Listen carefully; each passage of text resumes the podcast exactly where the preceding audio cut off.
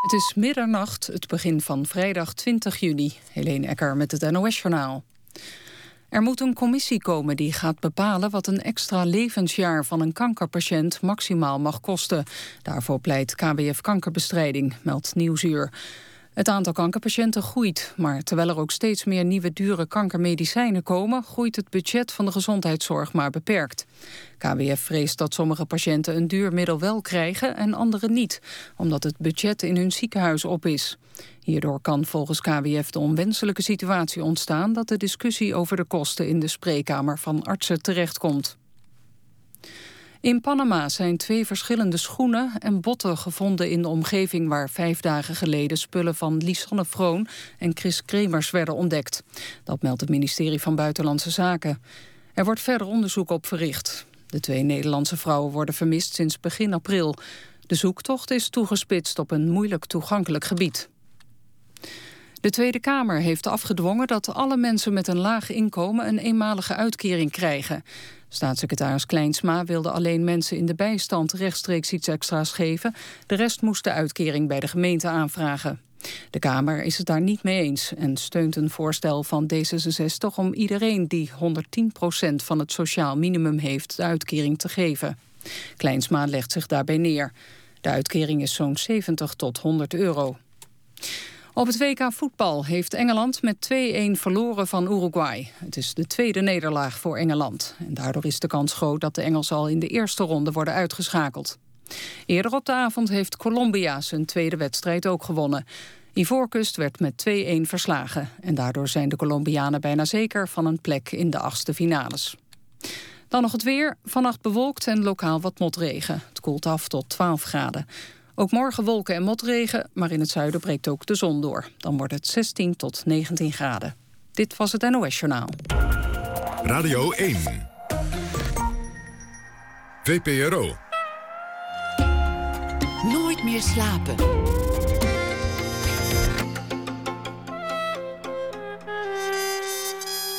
Met Pieter van der Wielen. Goedenacht en welkom bij Nooit meer slapen. Na ene krijgt u een verhaal van Erik Lindner. Die schrijft deze week elke dag een verhaal voor ons. En dan ook een gesprek met Floris Visser, een jonge opera-regisseur die internationaal furoren maakt. Ook in Moskou en andere plekken. Er is voetbal, Japan tegen Griekenland. En die houtkamp die volgt de wedstrijd. Zodra er iets te melden is, dan uh, komt hij tot u. Maar we beginnen met de maand van het spannende boek. Dat is deze maand namelijk. Thomas Ros is de godfather van het genre, althans zo wordt hij wel genoemd. Faction heet het uh, métier. Het schrijven van spannende boeken, boeken die naar werkelijkheid verzonnen zijn. op basis van bestaande figuren of situaties. Het Koninklijk Huis, de moord op Fortuin en alle machinaties daarachter. over de geheime dienst en de moord op Theo van Gogh. Ros werd geboren in 1944, werkte ooit als journalist, debuteerde in 1980 als thriller-auteur. Zijn vader was verzetsheld en werkte later bij de geheime dienst. Ook wel aardig om te vermelden dat hij vele prijzen heeft gewonnen. Thomas Ros, hartelijk welkom. Dankjewel. We gaan een paar keer onderbroken worden uh, vanwege voetbal. Heel goed. Je hebt, je hebt zelf ook gevoetbald hè, als, ja. uh, als jongeman in ja. Den Haag. Maar niet ja. bij ADO. Jawel, een korte bij tijd ADO. bij ADO. Maar mijn vader vond ADO wat vulgair, moet ik zeggen. En bovendien kon ik het wel aardig. Dus op een gegeven moment ga je dan in de A-selectie zitten... en dan zou je naar de zondagvoetbal moeten. En ik ben geïnformeerd opgevoed. En in die dagen werd er niet gevoetbald op zondag. Althans, het werd wel, maar niet door ons. Zelfs luisteren naar voetbal ging niet. Dus, uh. En vervolgens ben ik uh, bij een keurige Haagse club gaan uh, voetballen. Eerst nog naar een christelijk Haagse club, vergeten. Die heb je ook nog. Die Hagen en later bij HBS in Den Haag. HBS is wel de, de goede kant van Den Haag. Den Haag houdt braaf stand. Ja, Den Haag heeft een, een breuklijn. Ja. Veen en, en niet alleen met voetbal natuurlijk. Ja. ja. En dit was de, de goede kant. Ja, maar het is heel, heel, heel klassiek. Wij woonden eerst in het deel wat je noemt het veen, zal ik maar zeggen. En toen mijn vader promotie maakte hier op het geheime dienst... maar dat heette de BVD. En verhuisden wij naar de keurige nette vogelbuurt. Dat is een buurt tegen de duinen aan. En dat is het zand. En dan, dat gaat gepaard met enige status. Scholenwisseling, eh, dat soort dingen. Die vader die fascineert me meteen uh, enorm. Omdat ja, als je, als je thriller-auteur bent... en het gaat natuurlijk vaak over uh, geheime diensten en, en complotten... en je hebt een vader die eerst bij het verzet zat... en toen bij de BVD... Ja ja, dan, dan hoef je geen grote psycholoog te zijn om daar iets achter te zoeken. Nee, nee. nee. maar niet dat ik ooit ambieerde om thriller-auteur te zijn. In mijn, ik ben pas laat begonnen eigenlijk. Hè. Ik ben op mijn 35e gedebuteerd met een spannend boek of met een thriller. En ik heb altijd of geschiedenis willen doen, dat heb ik ook gedaan. En de, en de journalistiek in. Daar was mijn vader overigens ook tegen, tegen de journalistiek. Net zo hard als tegen, überhaupt tegen voetbal. Want goede BVD in die tijd. Maar het gevleugelde woord van hem was dat journalisten nog erger zijn dan communisten. En dat uh, heb ik me toen niet aangetrokken. Dus ik ben naar de allereerste lichting van de school van journalistiek in Utrecht gegaan. toen die net opgericht was. En heb ik een tijdje in de journalistiek gewerkt. Maar je kan natuurlijk zeggen, oké, die geheimzinnigheid die ook die rond hem zelf hing. Hè? Want ja, als kinderen, uh, je refereerde net even Theo van Gogh, een vriend van mij. Theo zijn vader werkte ook bij de BVD. En ook Theo wist eigenlijk niets van zijn vader.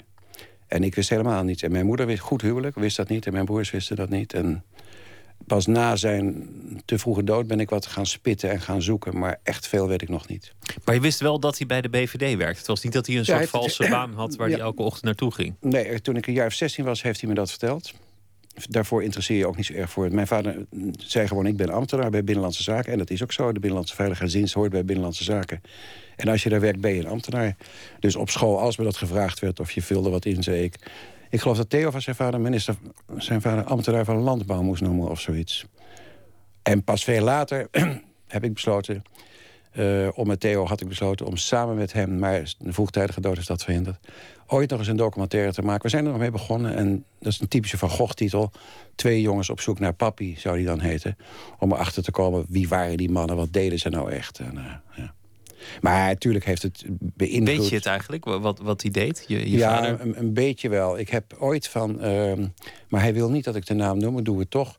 Ik heb ooit Arthur Dokters van Leeuwen, die later hoofd van die BVD... en ook een buurtgenoot is, uh, geïnterviewd. En toen zei ik, meneer Dokters van Leeuwen, mag ik nou eindelijk... of mogen wij thuis nu eindelijk eens het dossier van mijn vader... zijn van een van de allereerste, hè? Die BVD is opgericht in 1945 en daar was mijn vader bij. Mogen we eindelijk het personeelsdossier hebben... Dus geen denken aantal dokters van Leven. En een van de volgende dagen lag er een grote bruine envelop bij ons in de bus. Uh, waar zijn personeelsdossier in zat. Maar er waren allerlei doorhalingen. Iedereen kent die vader. Maar zelfs in het personeelsdossier... dus ja, daar staat zijn naam en de manier waarop hij aangenomen is.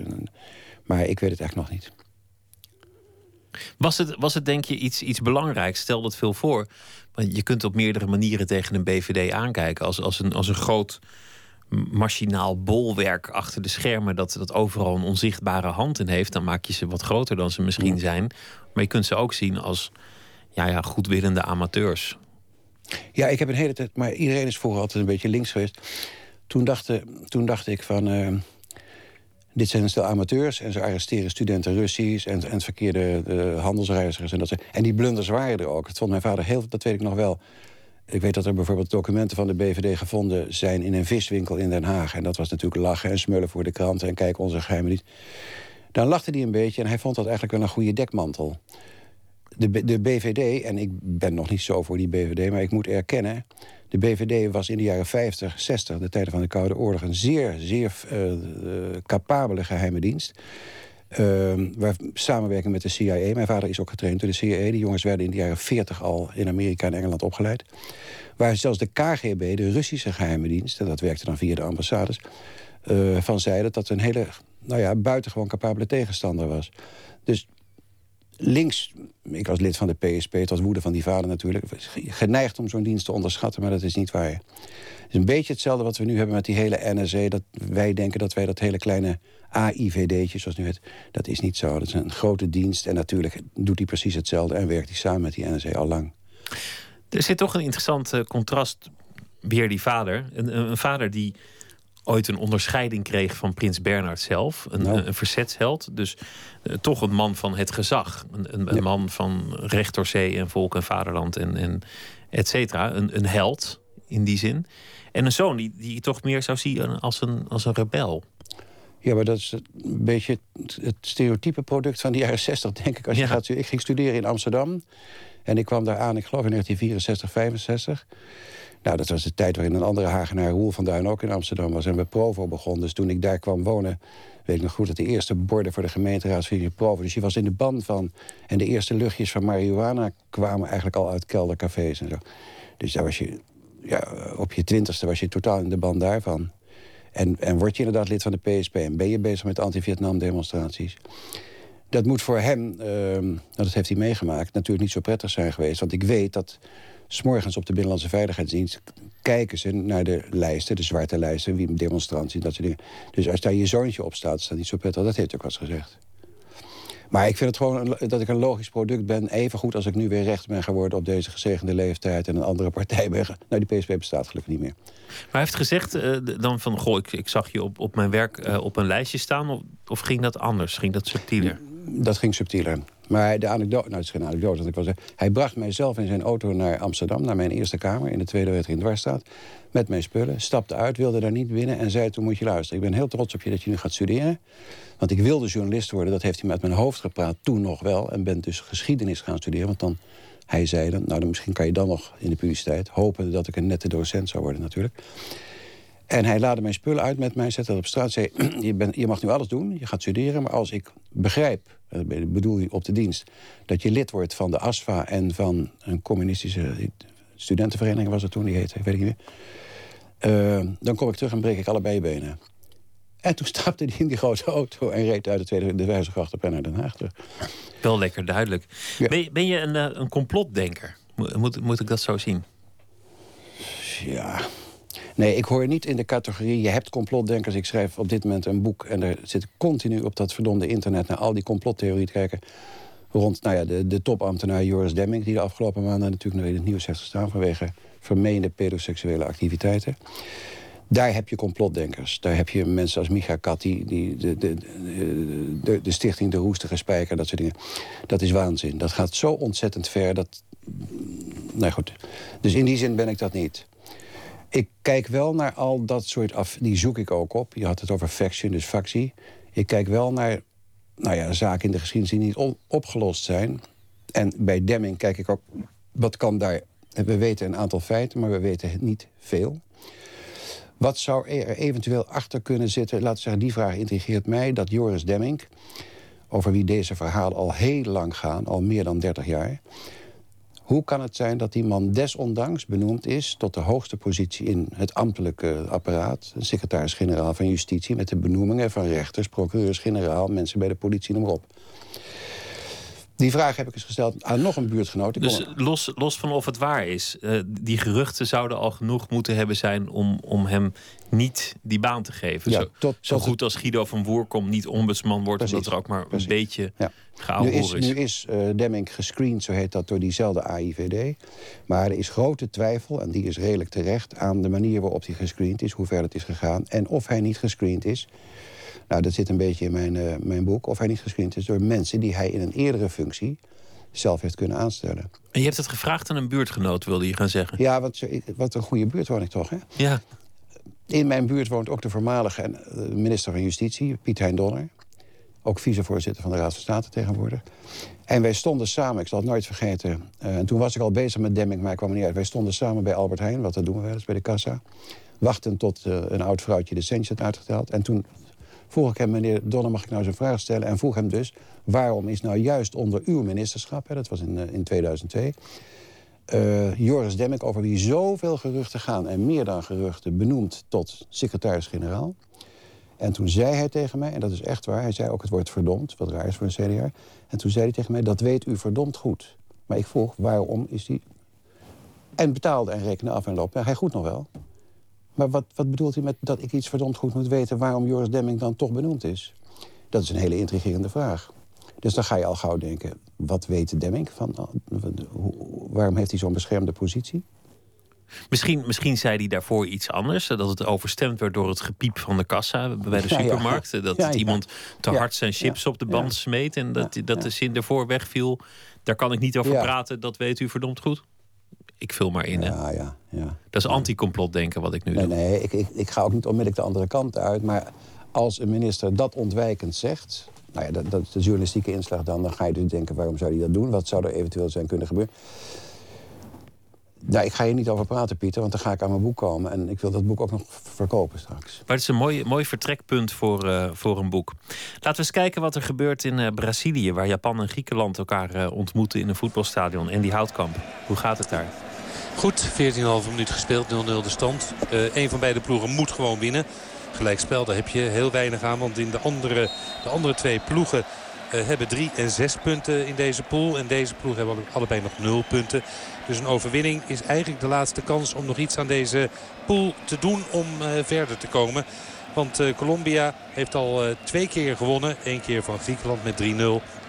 En vanavond van Ivoorkust. En Ivoorkust won eerder deze week van Japan. Dus Japan en Griekenland allebei op nul punten. Japan probeert het wel. Nog weinig echte kansen gezien. We hebben dus een kwartiertje gespeeld. En in het stadion in Natal, Estadio des Dunas, waar 40.000 mensen zitten... is het nog niet echt verheffend in de wedstrijd tussen Japan en Griekenland. Nog altijd 0-0. De Amerikaanse zangeres Lana Del Rey heeft een nieuw album uit, Ultra Violence. En dat is een uh, beetje theatrale plaat geworden voor de liefhebber van bombast en overdaad. En wie is dat uiteindelijk in zijn hart niet? Luister naar Is This Happiness?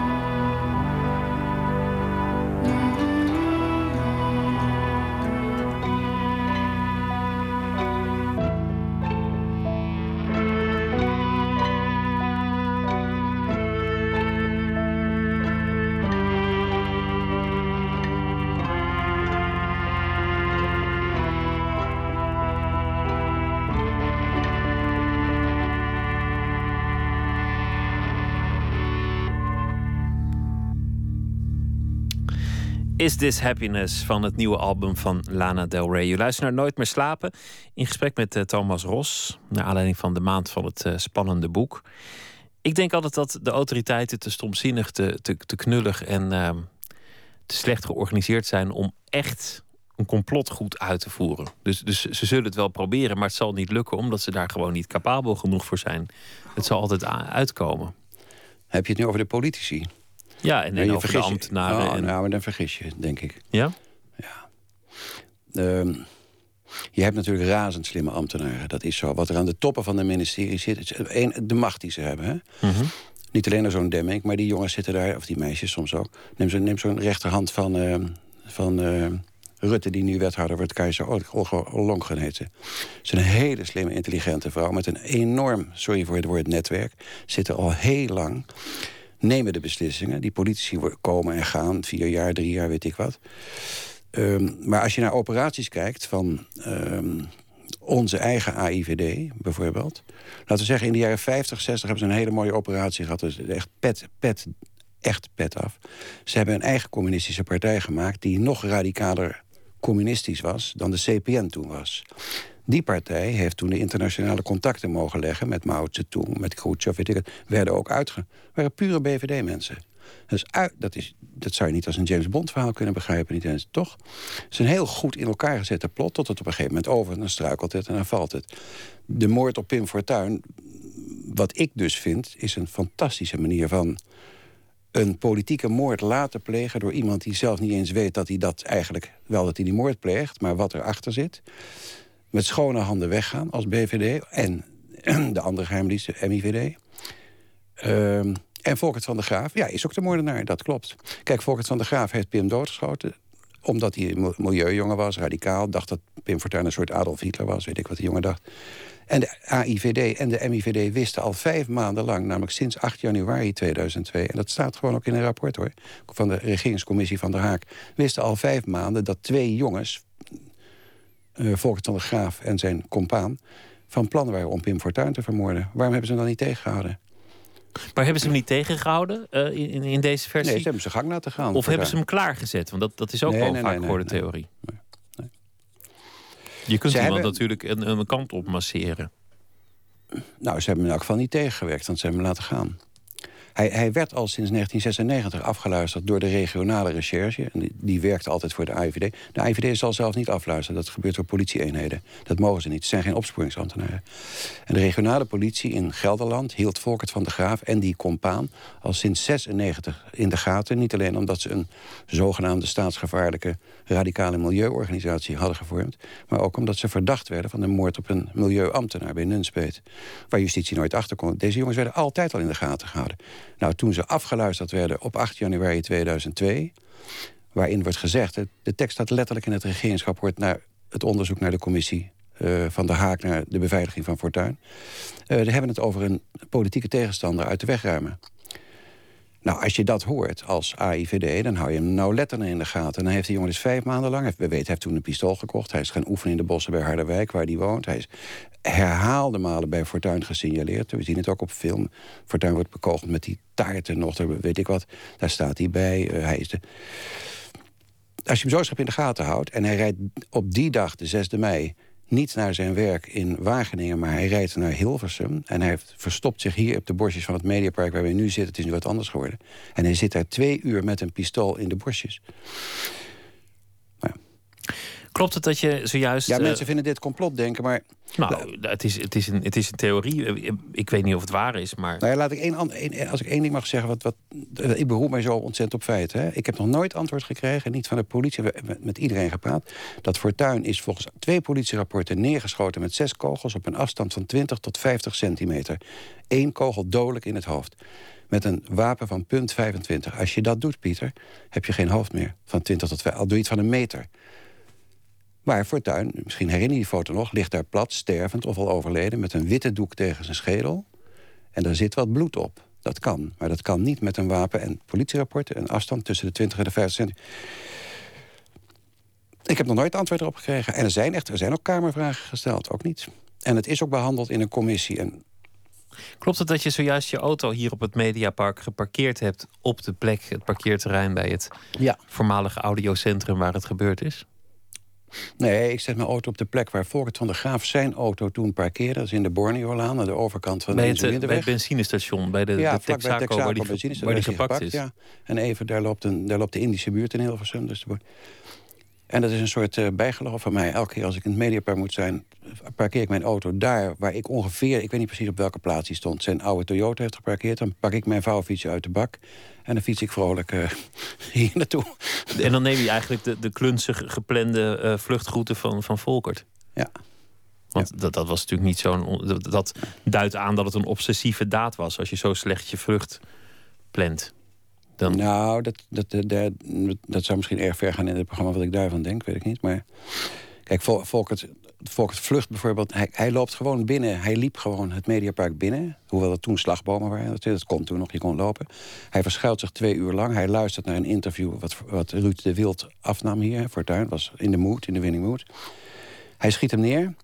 En nou vlucht hij niet dezelfde route terug waar hij, waar hij bij was. Want hij stond op de plek waar beeld en geluid nu staat. Nou, dat is, was toen vlak bij de uitgang. In de verwarring, de chaos, de paniek dat Fortuin was doodgeschoten... had hij weggekomen. Hij had alleen maar de drukke insulinde weg. Spitsuur, zes uur. Over hoeven steken, was in zijn autootje gesprongen. En toen pas was de eerste er misschien geweest die 1 en 2 had geweld. Maar dat doet hij helemaal niet. Hij rent het Mediapark binnen. Want hij rent helemaal langs VARA, VPRO, NOS... omheen langs het Humanistisch Verbond. Ja, de RVU was het. RVU. Ja. En dan rent hij half naar boven toe. En daar waren toen hekken open. Want daar werd een studio gebouwd. En dat heeft hij geweten. Theo van Gogh heeft altijd beweerd... en heeft nog een advertentie ook geplaatst... in de regionale krant hier, de Gooi Eemlander... wie daar een vluchtauto heeft zien staan. Theo beweerde, hij is die kant uitgevlucht... omdat hij daar een makker had omdat ze zich concentreerde waarschijnlijk op de hoofdingang van het Mediapark. Dus dat niet. En is hij naar boven gevlucht en daar stond een vluchtauto. En daar moet hij... Maar dat is fout gegaan, want achter uh, Volkert van der Graven rende toen al de chauffeur van Fortuin. Die belde al meteen 1 en 2. De jongen was zeer alert. Dus er klonk alarm. Dat klonk hier in het Mediapark ook. Dus die vluchtauto, de jongen daar werd bang, verdween. Volkert stond er aan de auto. Hij is zo gegaan, dat weten we. Hij, dan pas steekt hij de insulineweg over. Nu weer terug naar de Borneostraat en zijn auto. Die Smolders dapper achter hem aan. En daar komt een surveillanceauto aan. Die was in de buurt. En toen is hij gepakt. je noemde al uh, de, de film die je um, gemaakt hebt met Theo van Gogh. Althans, Theo van Gogh maakte de film op basis van, van jouw verhaal. We, we luisteren naar een uh, fragment. Van de 6e mei heet dat. Er is een milieuambtenaar vermoord. We vermoeden dat je vriend Peter het heeft gedaan. Het moet dood.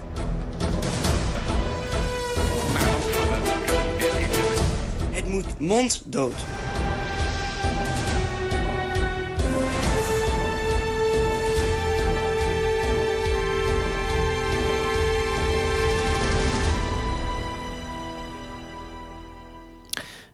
Ja, het is natuurlijk wrang dat je samen met Theo van Gogh, een, een, een vriend van jou, een, een, film maakt over die moord op, op Pim Fortuyn. En dat je dan negen jaar later uh, een boek schrijft over de moord op, op Theo van Gogh. Omdat hij inmiddels ook uh, vermoord is het, is natuurlijk iets anders of, of je een verhaal uitzoekt van hoe het gegaan kan zijn. Of op welke losse eindjes zit. Als je, dat je als een onderzoeksjournalist daar een boek over schrijft. Het moet ook spannend zijn. De karakters die moeten ook een bepaalde ontwikkeling doormaken. Die moeten eigenschappen hebben, dat soort dingen. Mm Waaraan moet het eigenlijk voldoen? Wanneer is het geslaagd? Wat is de belangrijkste ingrediënt van zo'n boek? En waar houdt het op fictie te zijn en waar begint uh, het feit en andersom? Nou, ik vind het belangrijk, althans voor mijn genre... want het misdaadgenre is natuurlijk breder... maar voor wat je dan met dat Engelse woord faction... vind ik eh, is geloofwaardigheid. Je moet, je moet de feiten... Uh, mag ik niet manoeuvreren. Dus ik mag de werkelijkheid niet naar mijn hand zetten... zo schrijvers dat altijd zo graag zeggen. Dat kan helemaal niet. Je moet kunnen checken dat de feiten die ik opnoem... en dat zijn er vaak veel... dat die waar zijn. Die moet je gewoon kunnen googlen, die moet je kunnen opzoeken. En de conclusie of de spanning die ik erin breng... is niet goochelen met die feiten, maar is speculerend op die feiten een, een, oplossing bieden voor een onopgeloste affaire. Als ik dat zo geloofwaardig mogelijk kan doen dat mensen zeggen: verdomd, ja, zo had het inderdaad bij elkaar kunnen zitten in.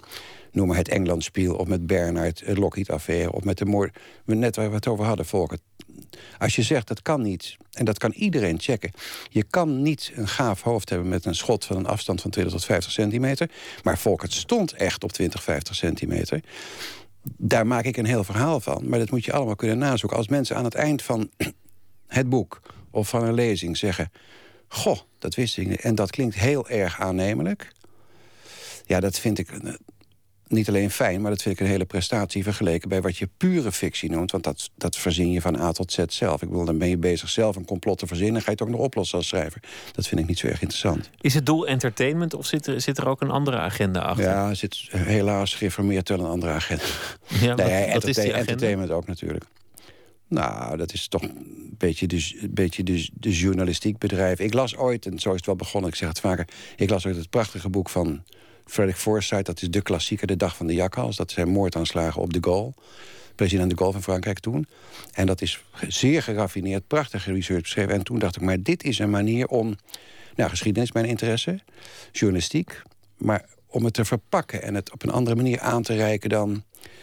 Kijk, wat een journalist moet al zijn bronnen kunnen verantwoorden. Hij moet echt alles uitgezocht hebben, wil hij tot bepaalde conclusies komen. Anders moet hij columns gaan schrijven over romans. En een historicus moet, moet zeker al zijn bronnen... Mag niet zomaar iets suggereren, beweren. Een romancier, vind ik, mag dat wel. Als ik 60 of 70 of 80 procent van de feiten op een rijp... en er zijn niet meer feiten, want de archieven zijn weg... de archieven zijn verbrand, weet ik Ja, dan vind ik het... mits je geen smaad last, dan weet ik wat...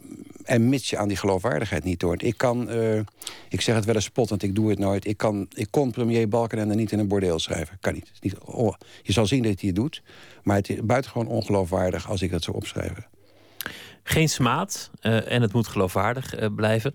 Het is natuurlijk wel link om, om nou ja, zo'n zaak Demming. Ja. om daarover te schrijven, omdat het gaat over iemand die nog leeft. Nou ja, die is inmiddels waarschijnlijk wel gewend om wat modder over zich heen te krijgen. het zeggen. Dat, dat is het voordeel. dat hij, kent hij wel. Ja. Hij heeft het eerder aan de hand gehad, laat, laat, ik het zo zeggen. Maar het, het blijft toch een, een linkterrein. Ja dat klopt. Hoe dus je, bent voortdurend aan het balanceren. Met Demming zeker. Want kijk, over Demming is een hoop modder uitgestort... waarvan ik me afvraag, is dat wel waar? Is dat terecht? Als je met vrienden... Ik doe nogal wat research. Als je met vrienden van de... Daar zijn het ook vrienden voor, begrijp ik wel. Die ontkennen dat. Bij Demming staan, staat een aantal feiten vast... maar lang niet alles wat er gezegd wordt. En met name elke dag tot nu toe is de man in het nieuws. En wordt dat weer gezegd. En niet alleen door die idiote complotdenkers... maar ook door serieuze journalisten en door... Uh, dus als je dan een boek schrijft, moet je ontzettend oppassen uh, met wat je zegt. En trouwens, mijn uitgever er bezig bij... laat dit soort boeken lezen door juristen ook. Niet, niet alleen omdat ik... Ik wil geen smaad plegen of zo, maar kan het werkelijk? Kun je de naam Demming daar gebruiken of niet? En niet alleen omdat ik bang zou zijn dat Demming eh, me iets aan gaat doen of zo.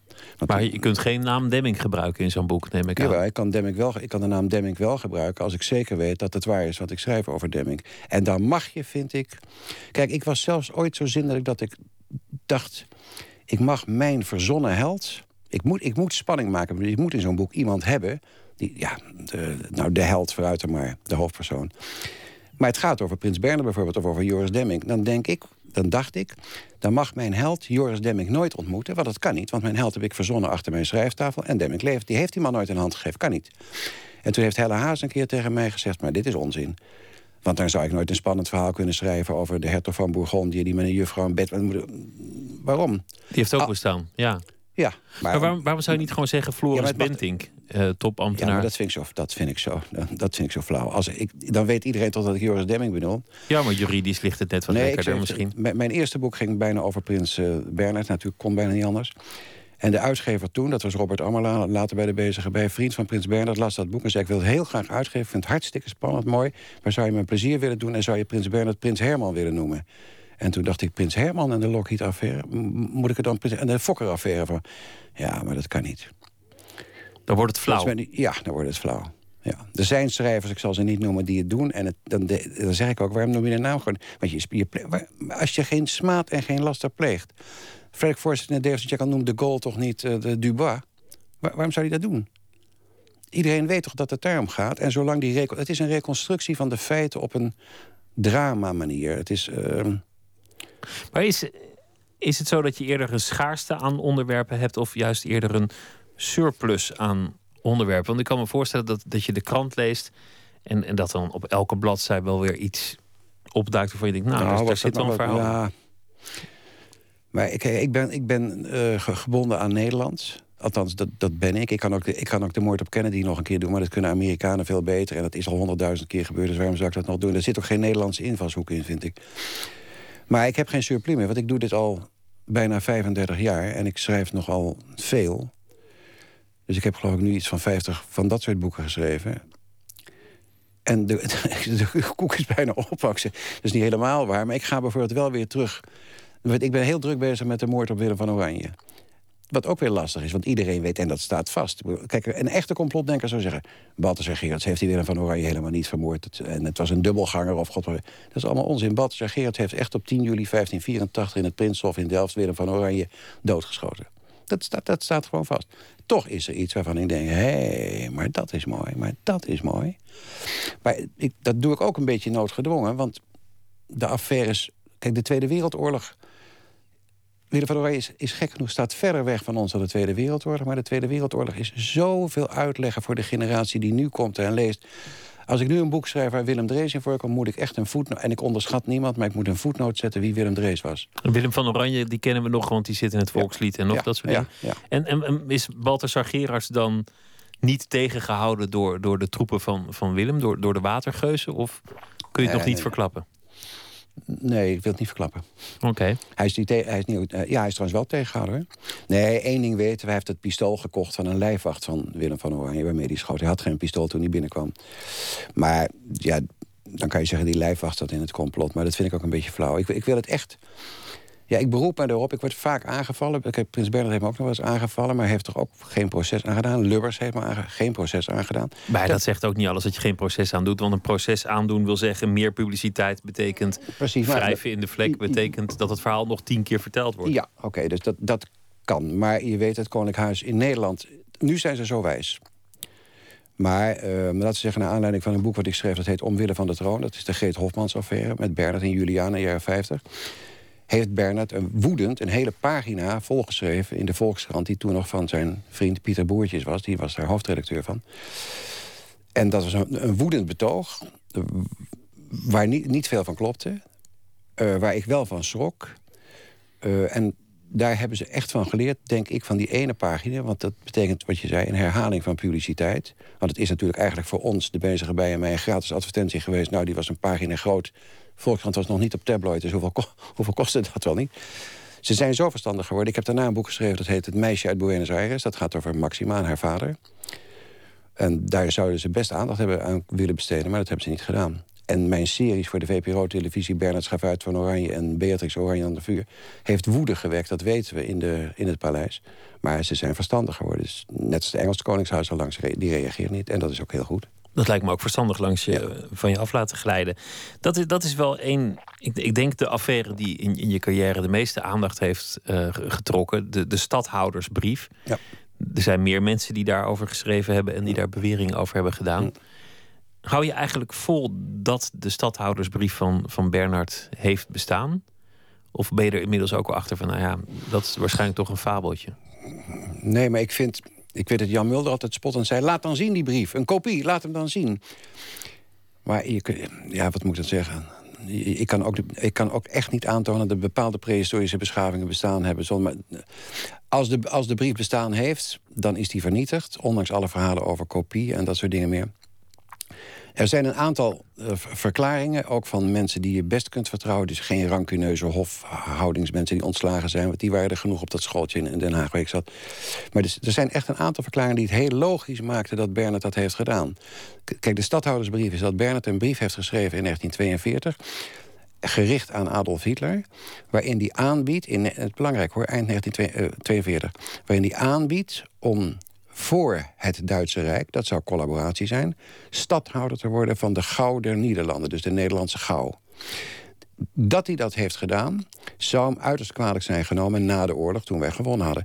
Maar dat hij dat deed in 1942, en ik heb hem daar een brief over geschreven. Ik geen antwoord op gegeven, maar ik denk dat dat zo is.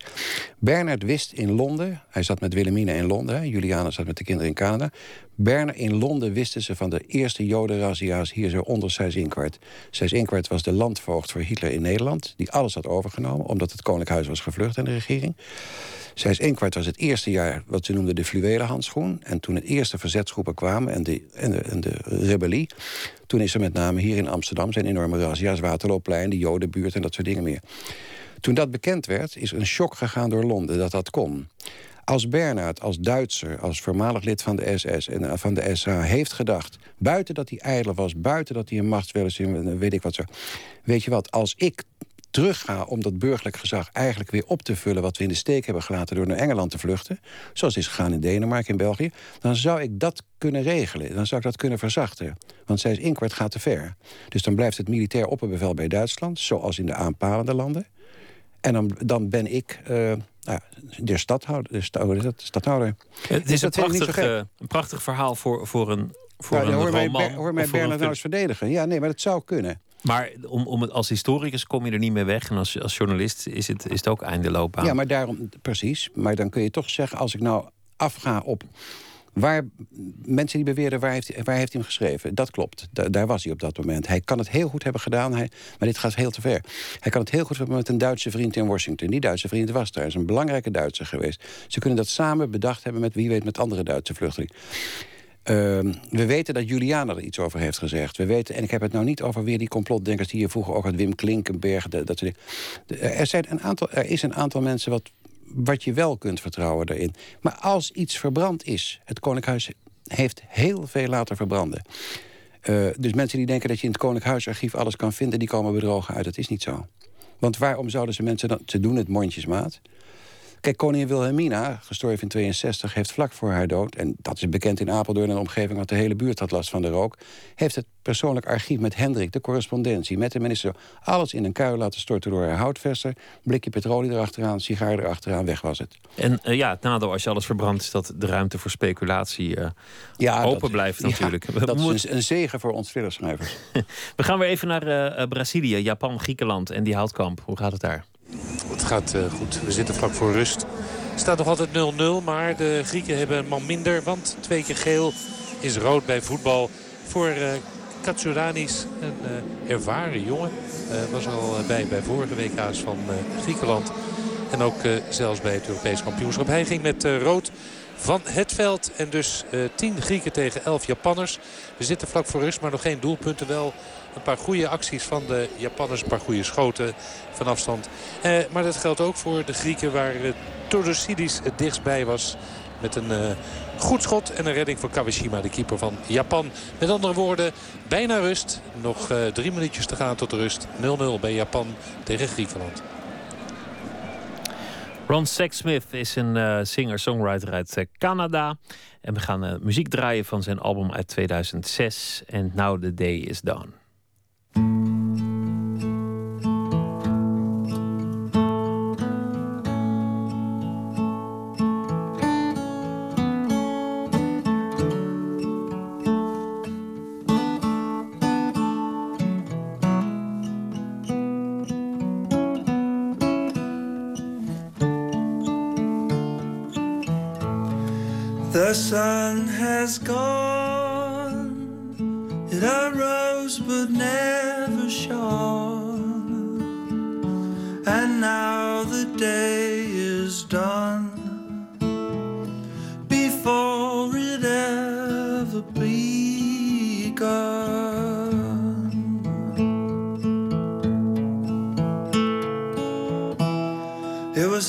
A pleasant dream till someone pulled the plug.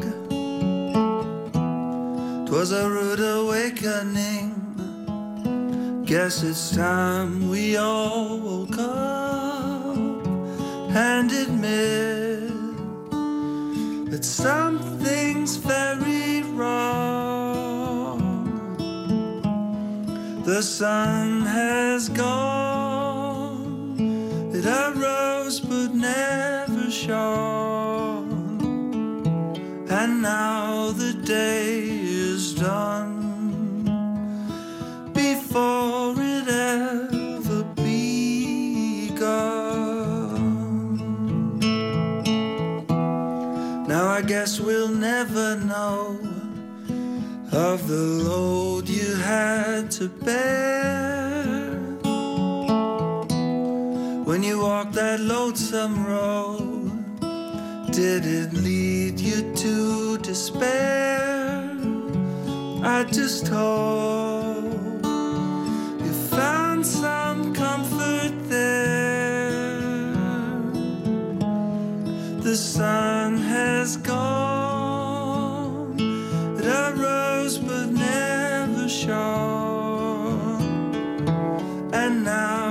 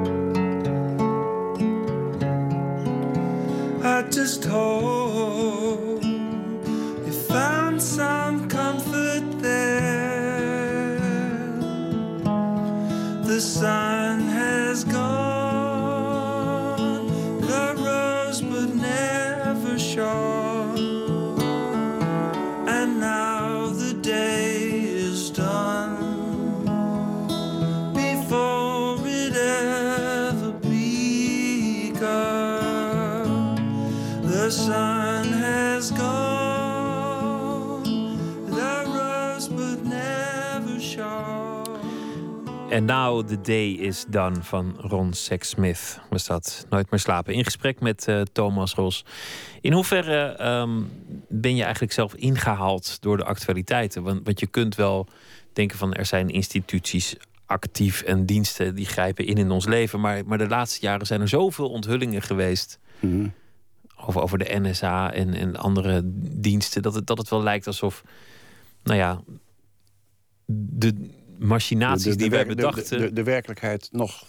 Ja, die waren eigenlijk soft vergeleken met wat er in werkelijkheid aan de hand was. Ja, ja. Nee, maar ik, even afgezien van zo'n heel actueel ding als Demming. En in de tijd dat ik Fortuin deed, was dat ook heel actueel. Direct na Fortuin zo. Eh, zijn de meeste van mijn boeken zijn, spelen zich af in een nou, tijdperk eh, direct na de oorlog, jaren 50, jaren 60. Daar waar het, nog- ik wou net zeggen, daar waar het nog een beetje gezellig geheime dienst was of zo. Dus de oude, oude spionage enzovoort enzovoort. Ehm, en ik las vanmorgen in de Volkskrant bijvoorbeeld, en dat is ook zo, dat de NSA en de CIA, maar ook de AIVD, eh, nauwelijks in staat zijn om bijvoorbeeld wat je nu hebt in Irak, ISIS, eh, maar dat was bij Osama Bin Laden ook zo, kunnen ze niet. Dat, zo werken ze niet. Dat werkt niet met satellieten, dat werkt niet met afluisteren. Osama Bin Laden werkte met persoonlijke couriers op een kameel. ISIS doet het ook. Want ze weten dat. Iedereen wapent zich daartegen. Gaat dus terug naar de oude methode van mijn vader, zal ik maar zeggen. Bijna alsof je een gaatje in een krant prikt... en je houdt de tegenstander in de gaten in een café.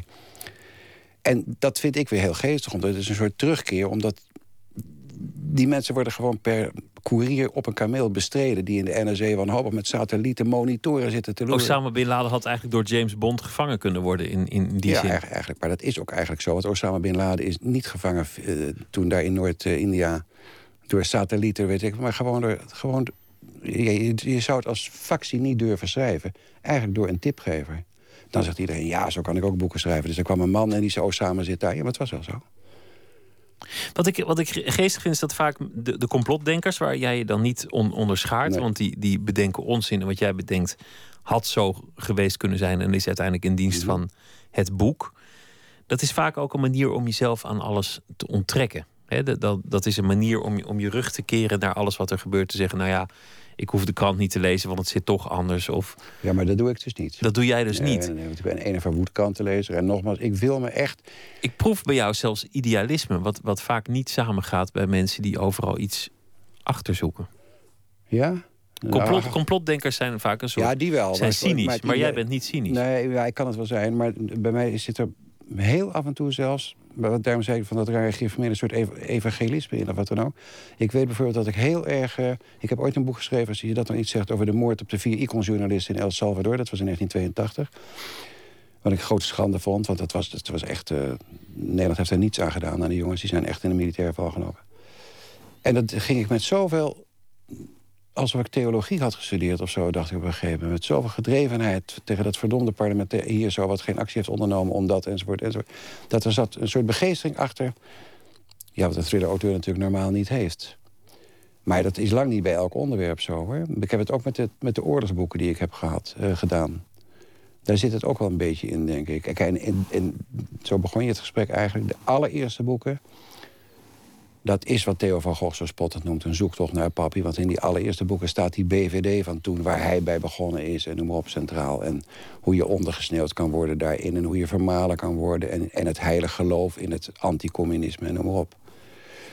Dus dat, dat zit erin, ja. Maar het zijn eigenlijk eh, ook persoonlijke verhalen. ver- Verpakt als thriller en verpakt in een, in een theorie over hoe het geweest had kunnen zijn. Maar het boek over Van Gogh is ook wel een persoonlijke herinnering aan een man die je goed gekend hebt. Ja, maar ik had het nooit willen schrijven, omdat... ehm, Kijk, de, op, op de dag dat Theo vermoord werd, diezelfde 2 november 2004... Uh, was ik al in Amsterdam, op de Linnaeusstraat, later natuurlijk. En toen kwam er al een journalist naar mij toe... en zei, nou, u heeft de 6e mei geschreven... en nou gaat u zeker het boek de 2 november schrijven. Op de dag zelf al? Op de dag zelf. Dus je, bent, je bent wat snel, ik heb nog rustig gedaan. Lijkt me ook wat snel, ja. Ja, moet je niet doen natuurlijk. En twee, eh, er zit helemaal geen complot achter de Theo van Een of andere idioot van een fundamentalist... heeft de jonge beest achter afgemaakt. Uh, dat is het. Verder is er niks te vertellen. En veel later zag ik een documentaire die door, onder andere door Katje Schuurman is gemaakt. En daar dacht ik ook van, nou Katje, je gaat, nu ga je wel complot denken. Nu ga je wel heel wild tekeer als dat zo is. Maar het gekke is dat de vader van Theo Xel bij de BVD werkte... dat ook zei. En dat er nog veel meer mensen zeiden. En toen op een gegeven moment was de verklaring... in het boek speelt een rol dat de AIVD... net als bij Volkert Fortuyn... geweten heeft dat Mohammed Boudjiri van plan was... Theo van Gogh te vermoorden tevoren. Nou, dat heeft de AIVD eigenlijk erkend door te zeggen... ja, wij hebben Mohammed Boudjiri in de gaten gehouden, zeggen ze. Afgeluisterd via de Haagse Hofstadgroep die toen ophield. Maar uh, het, het Openbaar Ministerie heeft de afluisterbanden opgevraagd. Ze hebben ze afgeluisterd. En dan zegt het, de AIVD uiteindelijk... wij kunnen die banden niet geven. Dat zou het belang van onze dienst schaden. Eerst zeiden ze de banden zijn kwijt, de banden zijn per ongeluk geweest... en al die dingen meer. Maar wat kan je... Nou, alweer zo'n intrigerende opmerking. Wat kan je daarmee bedoelen? Wij kunnen u de banden niet... Dat mogen ze, hè? Ze mogen ook de parlementaire commissie informatie weigeren. Weer, weer een vertrekpunt uh, uh, voor dat boek. Wat uiteindelijk, zoals ik zei, ook een, een, een persoonlijke herinnering aan een, aan een man was. Ja. Als je. Mensen willen ook in iets geloven. Ik denk dat iedereen in iets wil geloven. En, en dat het daarom voor niemands welzijn leuk is om te denken dat overal iets achter zit. Ja, uiteindelijk, als je de geschiedenisboeken leest, dan weet je ook wel dat het allemaal poppentheater was en net anders zat Mhm. dan je dacht. Nee. Je, je begon ermee dat je, je ook uit een gereformeerd nest kwam. Mhm. Dat, dat het geloof thuis een rol speelde. Mhm. Dat heb je nooit helemaal afgelegd. Nee. Nou, niet het, ge het gereformeerde geloof wel hoor. De kerk wel, maar het geloof Ja, niet echt, nee, toch? Nee, nee. Maar in tegenstelling tot generatiegenoten zoals Jan Siebelink is iets ouder... of maar Maarten het Hart, heb ik een ontzettend leuke jeugd gehad. En ik heb me ook nooit afgezet tegen... En ik ben ook twee keer naar die kerk gegaan en die preken duurde ook heel lang. En de zaterdagavond daarvoor was het ook de Gereformeerde Jongelingenvereniging... en de maandagavond daarna was het ook catechisatie. Ik weet het allemaal wel. Ik, ik heb wel tegen Maarten gezegd... verdomd, ik had het ook moeten gaan doen zoals jij. Dan verkoop je veel meer. Want het niet-gereformeerde deel van Nederland... dat heeft allerlei theorieën over. Dat moet heel erg zijn geweest. En lijden voor die kinderen en om op ze. Nou, dat kan Maarten heel goed uitbouwen. Siebelink is heel streng opgevoed. Dat is strenger dan ik ben opgevoed. Ja, Jan Wolkers deed het ook al. En ze Dus leren lezen, hè? dus het is, het is natuurlijk een, een goede doelgroep. Ja, ja zeker. Het zijn mensen Nou ja, die, die lezen. weet, de Bijbel is het ultieme misdaadverhaal, zoals gezegd. Hè. Moord en doodslag, het komt op pagina's voorbij. Dus En hoe, een- hoe zie je God dan? Is dat een soort BVD of een geheime dienst die, die, die overal in ingrijpt? is dit? Hier heb ik me niet op voorbereid op deze vraag. Dat, dat kun je niet zeggen. Ik weet dat mijn vader vroeger binnenkwam. eh, dan kwam ik s'avonds laat thuis eh, naar de bioscoop. Eerst wilde hij altijd weten welke film ik had gezien. En dan deden we heel stil. Dan deed hij de, de, de, de, huisbar open. Deden we heel stil. Mijn moeder boven hoorde alles, maar die sliep al. En dan zei hij... Wat denk je nou dat God is? Want mijn vader dwaalde op het laatst van zijn te korte leven... eigenlijk wel af van dat geïnformeerde geloof en twijfelde. Dus ik weet, hij heeft heel vroeg een hartaanval gekregen... en tot mijn verbazing kwam ik thuis van de universiteit... en zag dat hij Sartre aan het lezen was. Dat gebeurde helemaal niet. Dus, en daar zaten we ook zo over te praten. Maar de vraag, wat is God voor je, is een hele lastige... ik geloof in iets, maar dat, dat is zo ontwijkend. Dat zegt iedereen, ik geloof in iets. Nee, wat zou je iets, willen iets dat het was? iets creatiefs. Waar, waar hoop je op dan? Oh, ik ben een, ik ben een hele naïeve gelover in eh, er is een voortbestaan hierna.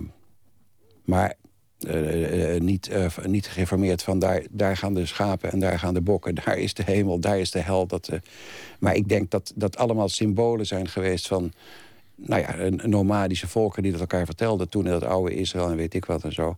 En dat doorgegeven hebben, maar op hun manier hebben bevat. Dat de hele Bijbel is één bonk. Ja, wat is het symboliek? Dus een Adam en een Eva en dat soort dingen meer. Mijn vader zei altijd, eh, ik heb hier die vader weer... eh, wat eigenlijk haak staat op het gereformeerde geloof. Hè? De schepping tegen Darwin. Mijn vader zei dat is uitstekend. Daar staat in de Bijbel. Voor God zijn de dagen. één dag is duizenden jaren. En duizend jaar kan één dag zijn. Dan heeft hij Darwin groot gelijk. Want dan zijn de scheppingsdagen. Alleen Darwin zegt niet precies wie dat heeft gedaan of wat. Maar dan zijn de scheppingsdagen zijn precies de, de era's die jaar periodes waarin nou, dat staat ook in de Bijbel. Van eerst moet er licht zijn, dan moet er water zijn. Dat zal Darwin ook zeggen. Dan krijg je vissen, dat klopt ook. Of eerst krijgen we eencelligen, dan krijgen we vissen. Dan gaan we kruipen, dan gaan we het land op. Dat is helemaal Darwinisme. Er is niks mis met die evolutie. Behalve dat wij natuurlijk zeggen, ja, en dan komt er opeens één soort... en dat vind ik ook nog steeds heel vreemd... dat er maar één van die miljarden soorten geestelijk evolueert. Want dat doen wij, slecht en goed. Maar een kat is nog precies hetzelfde als een kat van een miljoen jaar geleden. En een tijger ook. En, en, die doen niks anders. Die vinden nou ja, kraaien blijken ook al aan een zekere mate van planning te doen. En, en olifanten ja, kennen, ja, rouw. Dat vind ik, maar dat vind ik, oh, dan, ook zo'n biologisch de waal. Dan, dan, dan, klimt een aap op een kist en dan kan hij met een stokje naar een banaan slaan. Dan denk ik, snot verdomme, dat is wel een evolutionaire sprong. Dat is toch niks? Hij zal toch nooit verder, hij zal toch nooit ESMC kwadraat doen? Hij kan toch nooit een auto maken? Hij kan toch geen piano spelen? Hij kan niet... Nou ja, ik vind het, ik, nou ja, mensen voelen zich erg verheven boven andere soorten. Dat, dat, uh, en, terecht, en terecht. En ze kunnen zich ook diep schamen boven andere soorten. Maar... We, hebben, we hebben het gehad over, over je vader. En je hebt het over, over dat je hoopt op een, op een weerzien met, met anderen ja? uh, in het leven hierna. Dan denk ik vooral aan iemands moeder. Ja. Maar we hebben het helemaal niet over je moeder gehad. Nee, maar dat ligt aan de interviewer. Ja, vertel eens over je moeder. Nou, mijn moeder was een, uh, een boerenmeisje. Wat ehm, uh, die verpleegster werd voor de oorlog. En, net als mijn vader werkeloos werd, dus de crisis en dat soort dingen meer. En dappere dingen heeft gedaan in die oorlog. Ja, we hebben het inderdaad altijd over mijn vader, ja, dat klopt. En na de oorlog gewoon zoals in die dagen gebruikelijk was. Omdat mijn ouders de kinderen hadden. Mijn vader dat werk ging doen, een soort uh, thuis was. En zij kwam, heel gek, zij heeft de sprong gemaakt. Zij kwam uit een heel vrijzinnig hervormd boerengezin. De, de Noordoostpolder bestond niet, maar aan de rand van het, de Zuiderzee. En mijn vader kwam uit een heel streng geïnformeerd uh, pleeggezin. Want je vergat nog één ding wat van belang zou kunnen zijn... dat mijn grootvader uh, vermoord is in 1915. Toen was hij drie. Dus dat speelt ook nog een, een op de achtergrond. Uh, en dat is omgedraaid, dat vind ik heel beeld. Dus mijn moeder is die, die, die zwaardere geïnformeerde kant gaan volgen. En mijn vader is dat komt natuurlijk door zijn werk, de BVD, de, de, de, kennis van. En ik heb alleen maar hele goede herinneringen aan mijn moeder. Maar uh, ik, maar ik heb er veel langer... Dat is oneerlijk naar mijn vader weer. Eén, zit er geen mythe rond mijn moeder... Ik kan niet op zoek gaan naar mijn moeder, want ik ken haar veel te goed. Want ze is oud geworden. Maar ik heb haar natuurlijk ook veel langer gekend. Heeft ze je boeken nog gelezen? Ja. Was ze trots?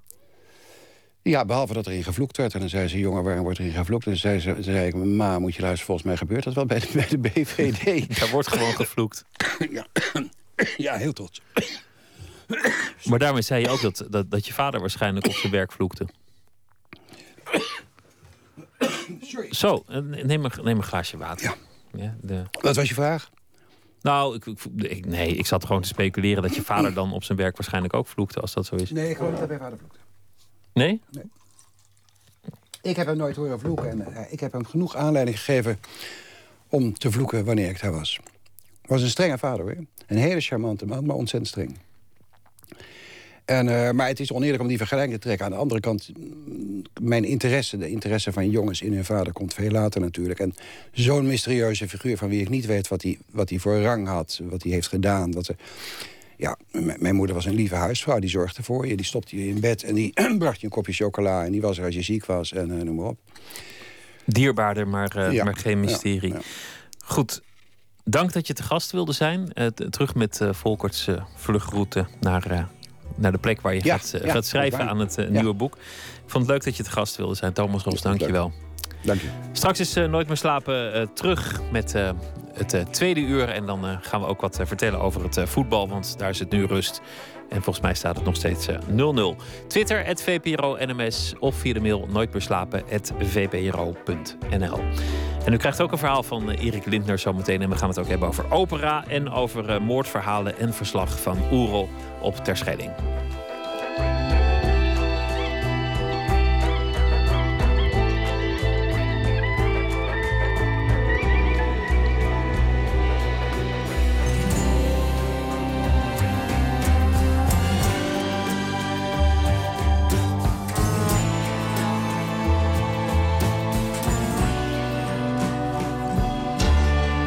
Radio 1, het nieuws van alle kanten.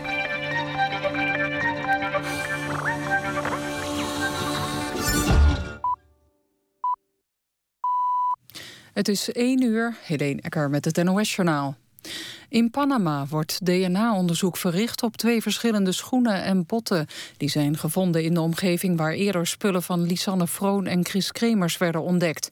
Dat meldt het ministerie van Buitenlandse Zaken. De twee Nederlandse vrouwen worden sinds begin april vermist. Volgens het ministerie heeft de zaak alle aandacht van de Panamese autoriteiten, de ambassade en de Nederlandse politie en werken die nauw met elkaar samen. Er moet een commissie komen die gaat bepalen wat een extra levensjaar van een kankerpatiënt maximaal mag kosten. Op die manier moet willekeur bij het toekennen van medicijnen worden voorkomen, zei KWF Kankerbestrijding in Nieuwsuur. Het aantal kankerpatiënten groeit. Maar terwijl er ook steeds meer nieuwe dure kankermedicijnen bijkomen, groeit het budget van de gezondheidszorg maar beperkt. KWF vreest dat sommige patiënten een duur middel wel krijgen en anderen niet, omdat het budget in hun ziekenhuis op is. Er komt voorlopig geen superprovincie van Noord-Holland, Utrecht en Flevoland. VVD en PvdA kunnen daarover geen overeenstemming bereiken met D66 en GroenLinks. De steun van die partijen is nodig om een meerderheid te krijgen in de Eerste Kamer. D66 en GroenLinks zeggen dat ze een totaalvisie missen op hoe het verder moet met de provincies. Volgens minister Plasterk is er geen principieel verschil van mening. Op het WK voetbal heeft Engeland met 2-1 verloren van Uruguay. Het is de tweede nederlaag voor Engeland. En daardoor is de kans groot dat de Engelsen al in de eerste ronde worden uitgeschakeld. Eerder op de avond heeft Colombia zijn tweede wedstrijd ook gewonnen. Ivoorkust werd met 2-1 verslagen... en daardoor zijn de Colombianen bijna zeker van een plek in de achtste finales. Dan nog het weer. Vannacht bewolkt en lokaal wat motregen. Het koelt af tot 12 graden. Ook morgen wolken en motregen, maar in het zuiden breekt ook de zon door. Dan wordt het 16 tot 19 graden. Dit was het NOS Journaal. Radio 1. VPRO. Nooit meer slapen.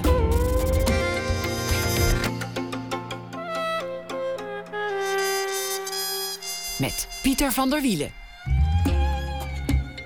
U luistert naar Nooit meer slapen. Zometeen krijgt u een verhaal van schrijver en dichter Erik Lindner. Die schrijft deze week elke dag een verhaal voor ons. Op basis van iets dat die dag is gebeurd. En hij is op dit moment in Duitsland voor een poëziefestival. Maar we gaan eerst even naar Brazilië, Japan, Griekenland. En die houtkamp volgt de wedstrijd. Hoe gaat het daar? Het is uh, net rust geweest. We gaan zo dadelijk beginnen aan de tweede helft. Nog altijd 0-0. Uh, we hebben beide ploegen niets aan. Want uh, er moet gewoon door een van de twee gewonnen worden om nog kans te houden op de volgende ronde. Uh, wel een wissel. Endo is gekomen bij Japan. Het is maar dat je het weet. En uh, hopelijk wordt de tweede helft iets leuker dan de eerste. Want die was niet om aan te zien. 0-0 de stand bij Japan tegen Griekenland. Erik Lindner is uh, schrijver en dichter. Schreef vier dichtbundels. Vorig jaar zijn debuut als romanschrijver met Naar Right Bridge. Het verhaal van een zoon die voor zijn manisch-depressieve moeder moet zorgen. Erik Lindner is nu aan de telefoon. Goeienacht. Goeienacht. In Duitsland nog steeds? Ja, nog steeds in Duitsland. En vandaag al uh, voorgelezen daar? Vanochtend ja, ja. Hoe ging ja. het? Nou, het, het ja, het, het, ging goed, moet ik echt zeggen. Um, van tevoren dacht ik, ben ik wel uh, in vorm. Maar als je helemaal bezig bent, maakt niet zoveel uit. En uh, halverwege las ik een gedicht over Joris Evans, de documentairemaker... samen met de vertaler, bijna regel voor regel... En daar kregen we een enorm applaus op. Dus toen dacht ik, nou, nu moeten we eigenlijk maar ophouden. Maar ja, er stonden nog meer dingen op de lijst. En toen kwam het nog twee keer. En uh, heel veel enthousiaste reacties. Uh, boekjes moeten signeren. Een gedicht in handschrift op een soort papier moeten schrijven. Dus het was, uh, het was goed. Het was een hele lange dag verder. Maar een leuke dag, als ik het zo hoor. Ja, het is, ja, er komen toch hier 200 mensen op af in de middle of nowhere. In, in allerlei kastelen waar, waar het wordt gehouden. En er is ook muziek bij. En uh, er zijn vier internationale dichters. Het duurt echt van 11 uur s ochtends tot 10 uur s avonds. Dus het is lang, al die voordrachten en, en veel ook. En uh, ja, hoge concentratie. Dus, en toen moest je ook nog een verhaal schrijven voor Nooit meer slapen op basis van de dag ja, toen gingen alle dichters naar de bar van het hotel... en toen ging ik naar mijn kamer om weer eens wat te typen, inderdaad. Dat klopt. Dat, uh... Wat is het geworden? Um, ik zal het voorlezen.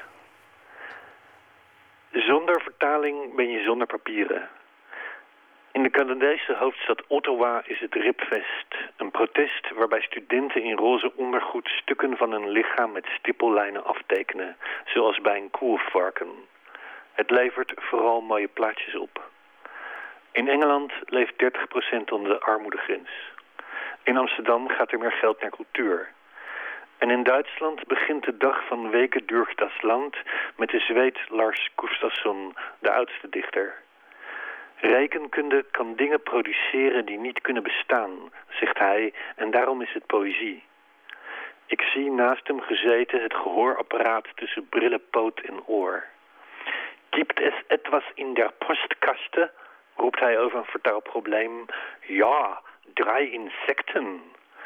Er komen meer definities voorbij vandaag, zoals de nieuwe schrikbarende term alternatief realisme, die valdeuren in het mogelijke veroorzaken. Het gaat erom iets te vinden zonder het te ontdekken. Volgens elke erp zou het automatisch schrift niet bestaan. Iemand neemt zich altijd iets voor, ook al is het gevolgd door de snelle impuls van het schrijven. Als ze voorleest, kruipt er een vogel onder de dakrand. Misschien is het dezelfde van gisteren. Matthew Sweeney schreeuwt. Hij slaat bij het laatste woord hard op tafel. Hij heeft een gedicht over het sterven van zijn vader, verbeeld door een anekdote over een koe in Ierland die naar een klein eilandje zwemt. Ze willen hem terughalen in een bootje, maar zijn bang dat het omkiepert met het beest en moeten de kustwacht bellen. Alternatief realisme? Het is een sterk beeld. Een koe in een roeiboot aan het begin van de Atlantische Oceaan. Dat was het. Inderdaad een sterk beeld. Moet het even op me in laten werken. Een koe in een roeiboot aan het begin van de Atlantische Oceaan. Het is uh, van de Ierse dichter Matthew Sweeney. Dus dat, uh, ja. ja. een hele dag uh, vol poëzie. En we hadden het gisteren over, over het Duitse publiek. Of die, -huh. Dat, dat die gepassioneerder zijn voor de literatuur, maar ook wat strenger. Dat, het, dat, dat er nog wel eens een polemiekje kan ontstaan. Klopt. Ja. Hoe, hoe, heb je het ervaren? Zijn er tussen al die dichters die er waren, was er dan eentje die, die ook maar een klein beetje boegeroep naar zijn hoofd kreeg? Nou, je hebt Anne Cotton, dat is een Amerikaanse die in het Duits dicht, die eigenlijk tweetalig is. En die zoekt zelf heel erg de, de controverse met haar leeftijdgenoten op. Ze is wat jonger dan ik. Uh, dat merk je wel. Maar, uh, en die leest, ja, je merkt ook dat die meteen de, de man, die, de moderator die haar inleidde, een beetje begon af te zeiken, zou ik maar zeggen. Voor de rest uh, vond ik iedereen toch um, geïnteresseerd in elkaar juist veel minder uh, toestandjes. Nou goed, ik ben natuurlijk een Nederlander buiten, buitenstaander hier, dus ik weet niet alles. Maar ik, ik vond het publiek heel toegewijd en heel geconcentreerd. Het werd wel op de dag minder, moet ik zeggen hoor. Dus ik had geluk s ochtends. Maar ja, doel, twee uur voorlezen, even lunchen, uh, daarna drie uur voorlezen. En dat, dat zou niemand aankunnen bij ons. Dat is zoveel. En uh, dat, ja, dat is toch wel, het is, het is toch wel een oase, moet ik zeggen. Nou, je hebt een mooie dag gehad. Rust uit. Dank voor je verhaal. En graag tot morgen. Goeienacht, Erik okay. Lindner. Goeienacht. Lee Fields, Amerikaanse soulzanger. Al sinds de 60s zit hij in het vak. Onlangs kwam hij toch nog met een nieuw album. Emma Jean, het nummer dat we draaien heet In the Woods.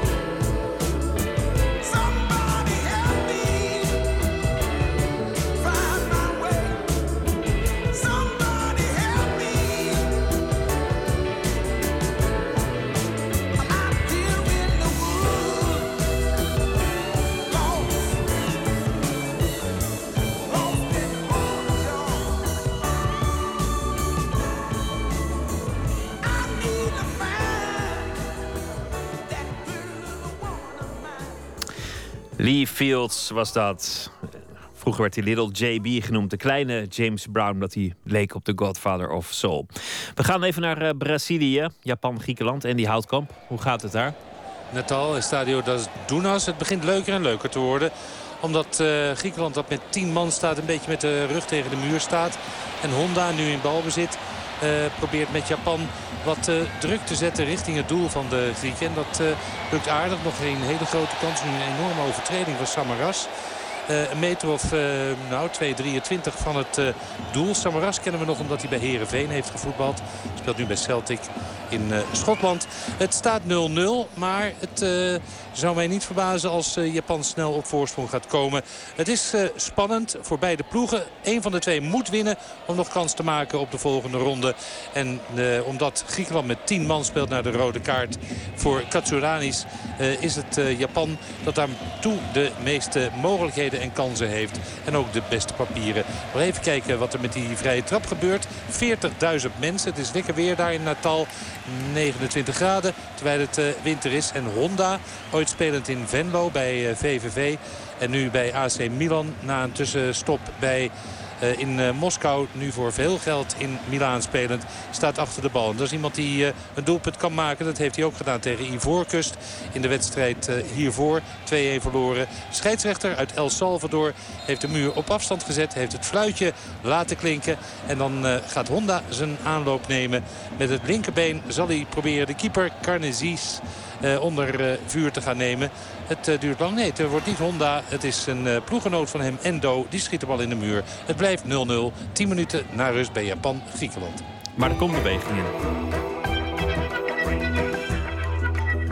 U luistert naar VPRO naar Nooit meer slapen. Floris Visser is een van de succesvolste jonge opera-regisseurs van dit moment. Vorig jaar kreeg hij lovende recensies voor de opera Owen Wingrave. Hij ontving de Charlotte Keuler-prijs. Dit jaar heeft hij meerdere regieopdrachten over de grens. Hij regisseerde als eerste Nederlander en jongste regisseur aller tijden een opera voor het wereldberoemde Bolshoi Theater in Moskou. Op zijn 31ste heeft hij daar Mozarts Cosi van Toeten op de plank gebracht. Sinds een jaar is hij ook uh, naast regisseur artistiek directeur van opera Triomfo. Verslaggever Nicole Terborg vond de tijd om hem eens eh, te spreken. Dat deed ze in Amsterdam, waar hij die dag audities houdt voor een nieuwe operaklus.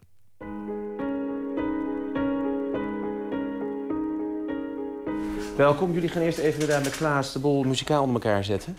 Uh, ik hoorde dat sommigen van jullie de muziek nogal laat gekregen hebben. Het is grappig, iedereen denkt altijd van nu ben je toch klaar nou je het Bolshoi hebt gedaan, maar nu is het pas begonnen. Het gaat niet zozeer om plekken of operahuizen waar ik zou willen regisseren. Het gaat veel meer over stukken. En er zijn nog honderden stukken die ik zou willen doen. Dus ik krijg niet eens alle stukken gedaan in mijn leven die ik zou willen doen.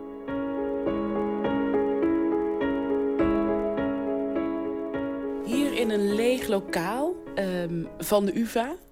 Want straks ga jij audities houden. Hè? Mhm. Vertel, wat gaat er straks gebeuren? Nou ja, er komen er veertig koorzangers uh, um, hier binnen. En ook nog in een andere balletstudio. En dan gaan wij selecteren voor volgend seizoen... Um, wat de, uh, de koorleden kunnen worden...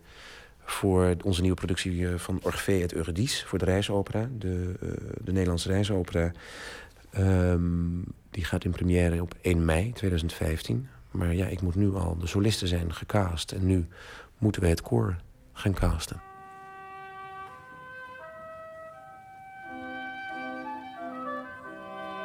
Hoe was jouw uh, regiedebuut in uh, Moskou?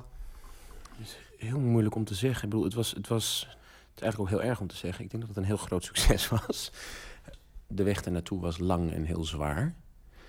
Maar uh, het resultaat is zo dat wij alweer in oktober er weer heen moeten om de voorstelling nog een keer te hernemen. Dus ja, wat ik al zei, het proces is, is, is niet makkelijk geweest. Hun manier van produceren is totaal anders dan de onze. Um, ik zou maar zeggen, wat, wat losser. Je hebt het nu over, als je zegt hun, dan bedoel je natuurlijk de Russen. Dan bedoel ik de Russen, dan bedoel ik uh, het Bolshoi. Um, Waarmee ik niet wil zeggen dat ze onprofessioneel zijn. Want het is natuurlijk gewoon een, een van de top 10 operahuizen in de wereld, het Bolshoi. Maar het, het, je kan zomaar erachter komen dat je op een ochtend staat en dat je verwacht dat er allemaal zangers binnenkomen en dat er gewoon eentje net weggevlogen is naar Kazachstan om daar voor de president te zingen, want dat moest van het Kremlin. En dat je dan denkt, oh, en dan de eerste keer word je ongelooflijk kwaad natuurlijk. En bij de derde keer, als je dat overkomt, dan begin je heel hard te lachen. dan denk je, oh, daar gaan we weer. Omdat Orphée het Eurydice, zeker de Franse versie, vol met balletten gepropt is door onze grote vriend Gloek. En ik altijd erg ben van het niet schrappen in mijn opera's. Namelijk de weerstand van het stuk opzoeken en dan maar zorgen dat het gaat werken.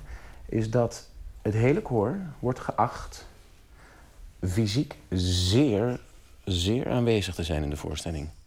En, met zeer... en wat, wat betekent dus dat, voor jou, dat, je dat mocht doen? Dat betekent... 31 jaar. Ja, nou, zeker nog, toen nog 29. Ehm, toen ik werd gevraagd. Dus toen, toen dacht ik... Ik, wat, wat, ik weet niet wat... Ik, ik weet dat ik, dat ik ongelooflijke angst had. Omdat ik dacht, ja, als dit fout gaat...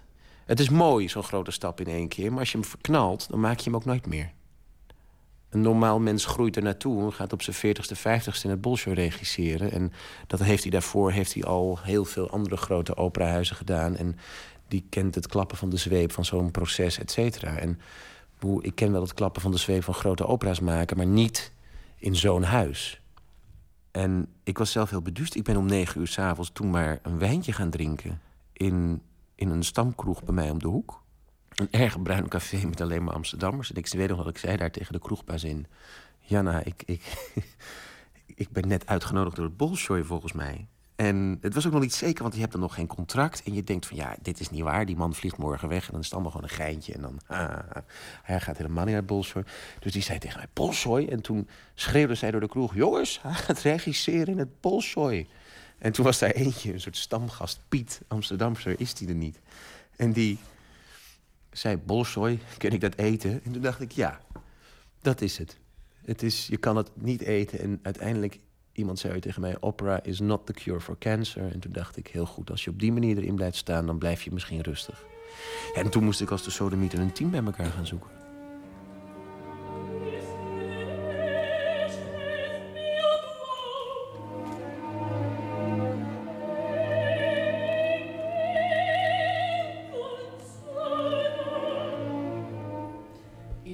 Tegen mij, 31 ehm, jaar. Normaal krijg je deze kans als je wat ouder bent. Mhm.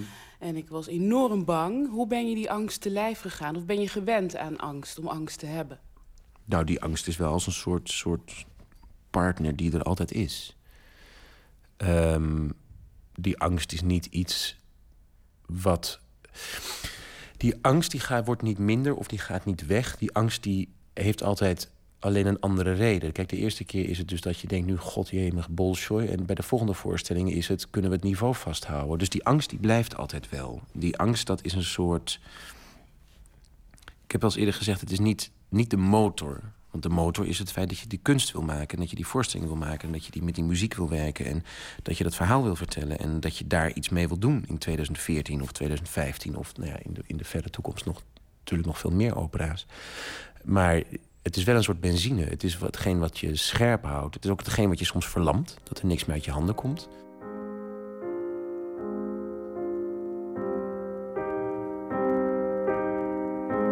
Die, die angst zorgt er ook voor dat het in beweging blijft. Dat je niet. Ik denk dat het angst en ambitie is. Aan de ene kant een drive dat je wil. En aan de andere kant ook iets wat je ongelooflijk op je hoede houdt.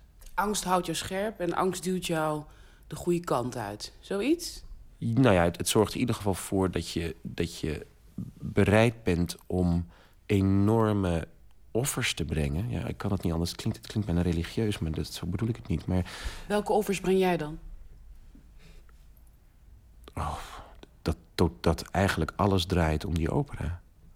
En dat daar je privéleven en familiebanden, vriendschapsbanden, je relatie, dat dat op het moment dat je daarmee bezig bent, altijd dat dat een ongelooflijk, nou ja, ik wil niet zeggen continu onder druk staat, maar een ongelooflijk moeilijke balans is.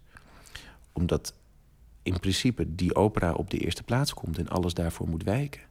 En wat doet dat met jou? Dat is fysiek heel vermoeiend. Zeker op het moment dat je die opera aan het repeteren bent in Rusland... dan slaap je verdomd weinig. En ja, je, je, je valt twee kilo per week af, bijvoorbeeld. Maar hoe kan je zo weinig slapen en tegelijkertijd is het topsport? Ik weet het niet. Mijn, mijn, mijn kostuumontwerper in Polsje die zei ook... het is altijd fascinerend om te zien hoe je meer en meer je ingraaft... en dat je altijd een soort... alleen nog maar een denkend hoofd bent. Alsof dat lichaam zich die heeft het wel eens vergeleken met een boeddhistische monnik. Die zei, jij kan gewoon op een berg gaan zitten en twee maanden niet eten... en dan kom je er nog vanaf. Dus het, het, het, zoiets is het. Ik weet niet wat het, het... Het is ook niet iets wat ik bewust doe. Het is niet, god, ik ga nu voor de kunst lijden. Dat is helemaal niet... Er komt een soort enorme focus en een tunnelvisie... waarin ook weinig ruimte is voor andere dingen.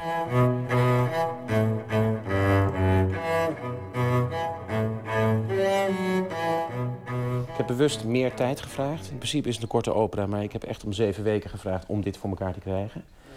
Ehm, en daar gaat vandaag eigenlijk grotendeels over. Omdat ik denk dat het waanzinnig kan worden. Ook omdat het koor een groot aandeel heeft in deze opera. Echt verschillende rollen.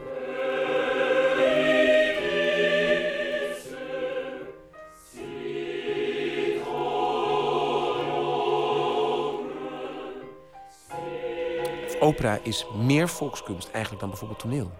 Toneel heeft alleen maar het gesproken woord en eist vaak een groter intellect van je publiek om er door te komen. Terwijl opera je ook eigenlijk via bijna de fysieke beleving, het kan soms alleen maar de fysieke beleving van muziek zijn, in één keer binnen kan trekken in een wereld. Je hoort, hoeft maar een paar noten te horen om te begrijpen waar dit verhaal heen gaat. Om een kleur, om een. Let, bij heel veel mensen roept muziek beelden op. Je kan thuis al een cd opzetten van een opera en ook voor mij van een symfonie. En ik zie beelden, ik zie decors, ik zie omgevingen, ik zie een landschap. Dat heb je met het gesproken woord niet meteen, zoals bij toneel. Ehm, en dans heeft natuurlijk vaak de neiging om veel abstracter te zijn, omdat het geen, geen tekst heeft. Terwijl bij opera heeft het dat allemaal.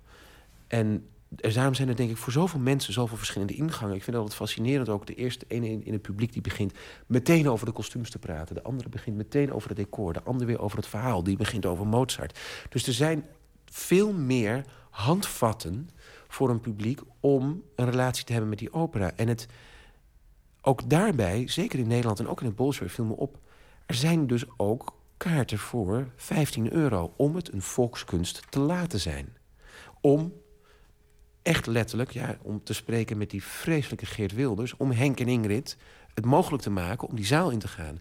Maar als jij aan Henk en Ingrid gaat uitleggen dat het elitair is... dan komen ze niet. Maar het is niet elitair. Het is, in de basis is het altijd een volkskunst geweest. Maar het gaat van bij ons op de ouverture waar wij de bruiloft zullen hebben... waar zij sterft, tot en met meteen de begrafenis erachteraan... En vervolgens mogen jullie weg om als de sodemieter je om te kleden om uh, furie te worden. En na de furie heb je nog minder tijd. Je spreekt heel gedreven over opera. Je hebt natuurlijk vorig jaar een jubeljaar gehad hè, met de Charlotte Keulerprijs natuurlijk. Um, successen met Owen Winegrave, lovende recensies. Je bent naar Rusland geweest, Duitsland, daar ga je dit jaar ook weer naartoe. Maar je bent dus ook artistiek directeur van Triunfo, hè, opera reisgezelschap.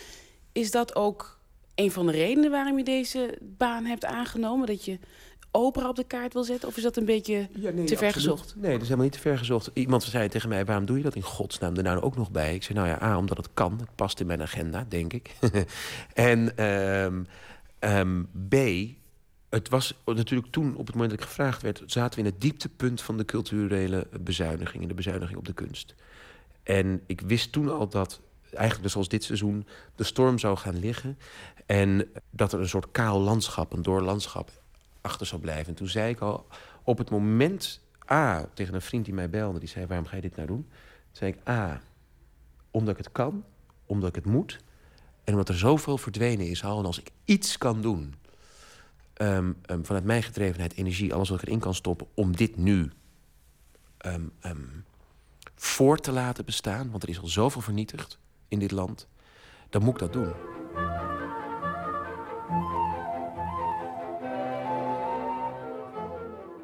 Duitsland is een operaland. Italië is een operaland. De Verenigde Staten zelfs een operaland. Nederland niet. Is dat wel te doen? Nee, dat is zeker te doen. Ik denk eigenlijk dat het niet waar is. Nederland is steeds meer een operaland geworden. Ik denk natuurlijk met de Nederlandse opera... zeker nou Piero, die daar 25 jaar is... die heeft van dat huis een internationaal tophuis gemaakt. Het staat in de top 10 van tophuizen. Hoe kan het dat zo'n klein land, zowel ook op ballet... en ook bijvoorbeeld Koninklijk Concertgebouworkest... onze musea, zo hoog scoort op kunst en cultuur. Dus we hebben altijd de neiging om hier te zeggen... dat het niet... Het vreselijke, dat, daarom ben ik dus katholiek geworden... dat vreselijke protestantse, doe maar gewoon, dan doe je al gek genoeg. Dat is zulk gelul. Wees trots op wat je hebt. En vecht daarvoor en bewaar dat. En bewaar dat met z'n allen. En dan kan je wel roepen, het kost veel geld. Uiteindelijk, als je het wegzet tegen een totaalbegroting van de overheid... is het nog geen 0,7 procent. En zitten we onderhand op 0,4 procent in dit land. Het is niets. We hebben voor een schijntje de wereld aan onze voeten liggen.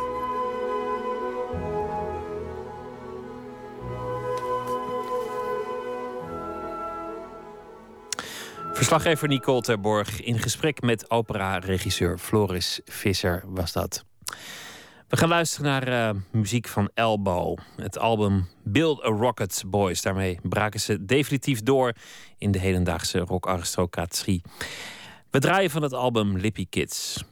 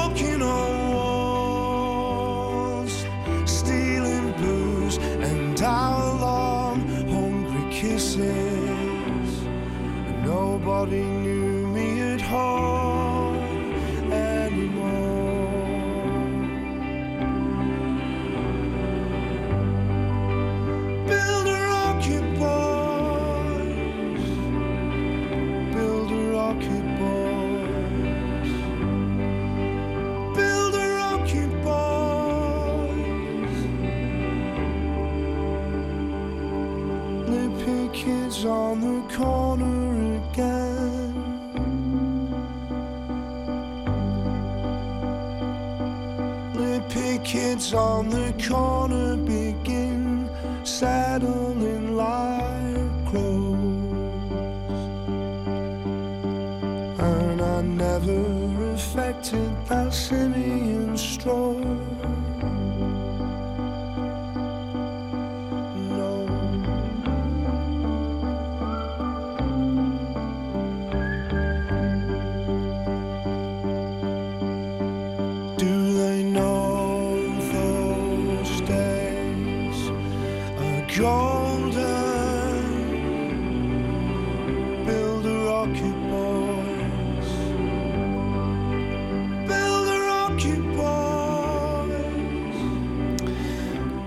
Elbow was dat. Het uh, nummer Lippy Kids van het album Build a Rocket Boys.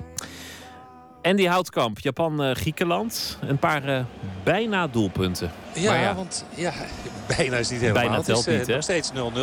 Maar Japan wordt wel beter hoor. Nu een duwtje, maar de scheidsrechter trapt er niet in. Maar 11 van Japan tegen 10 van Griekenland bij een 0-0 stand. En het begint aardig uh, richting de eindfase te lopen. Want we zitten in de 74ste minuut. Nog wel een minuutje of 16 te gaan.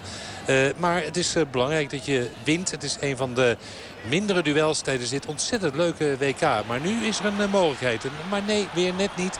Het is net niet steeds voor Japan een heel leuk WK. En daar zijn maar weinig wedstrijden. Er is er maar eentje op 0-0 gebleven. Uh, notabene een wedstrijd van Brazilië. Maar uh, dit uh, kan ook die kant op gaan. Maar ik verwacht nog wel een doelpunt met Honda nu in balbezit voor Japan. Bij de ploegen, bij de landen hebben elkaar maar één keer eerder ontmoet. Toen werd het 1-0 voor Japan. Nu zegt veel gescoord. Wordt er niet als ze tegen elkaar spelen. nog even kijken wat de voorzet gaat opleveren. Nee, niets. Want wordt weggekopt uit de verdediging van de Grieken. Het staat dus nog altijd 0-0 met nog een kwartier te spelen bij Griekenland tegen Japan. En als het eh, doelpunt wel valt, dan uh, hoort u dat uh, meteen op Radio 1. Nooit meer slapen. Maarten Westerveen is onze nachtcorrespondent deze nacht. Hij wil het hebben over de Long Read, het drama van Buffalo van rechtbankjournalist Rob Zelstra. Een reconstructie van de moorden op een jonge bioloog en een politieagent in het Groningse dorp Buffalo in april 2011. Goedenacht, Maarten. Ja, goeienacht, uh, Pieter. Overigens, het is, het is mooi. Ik zit ook met een schuin oog naar die wedstrijd hier te kijken. En het is op zo'n niveau dan zo teleur te stellen.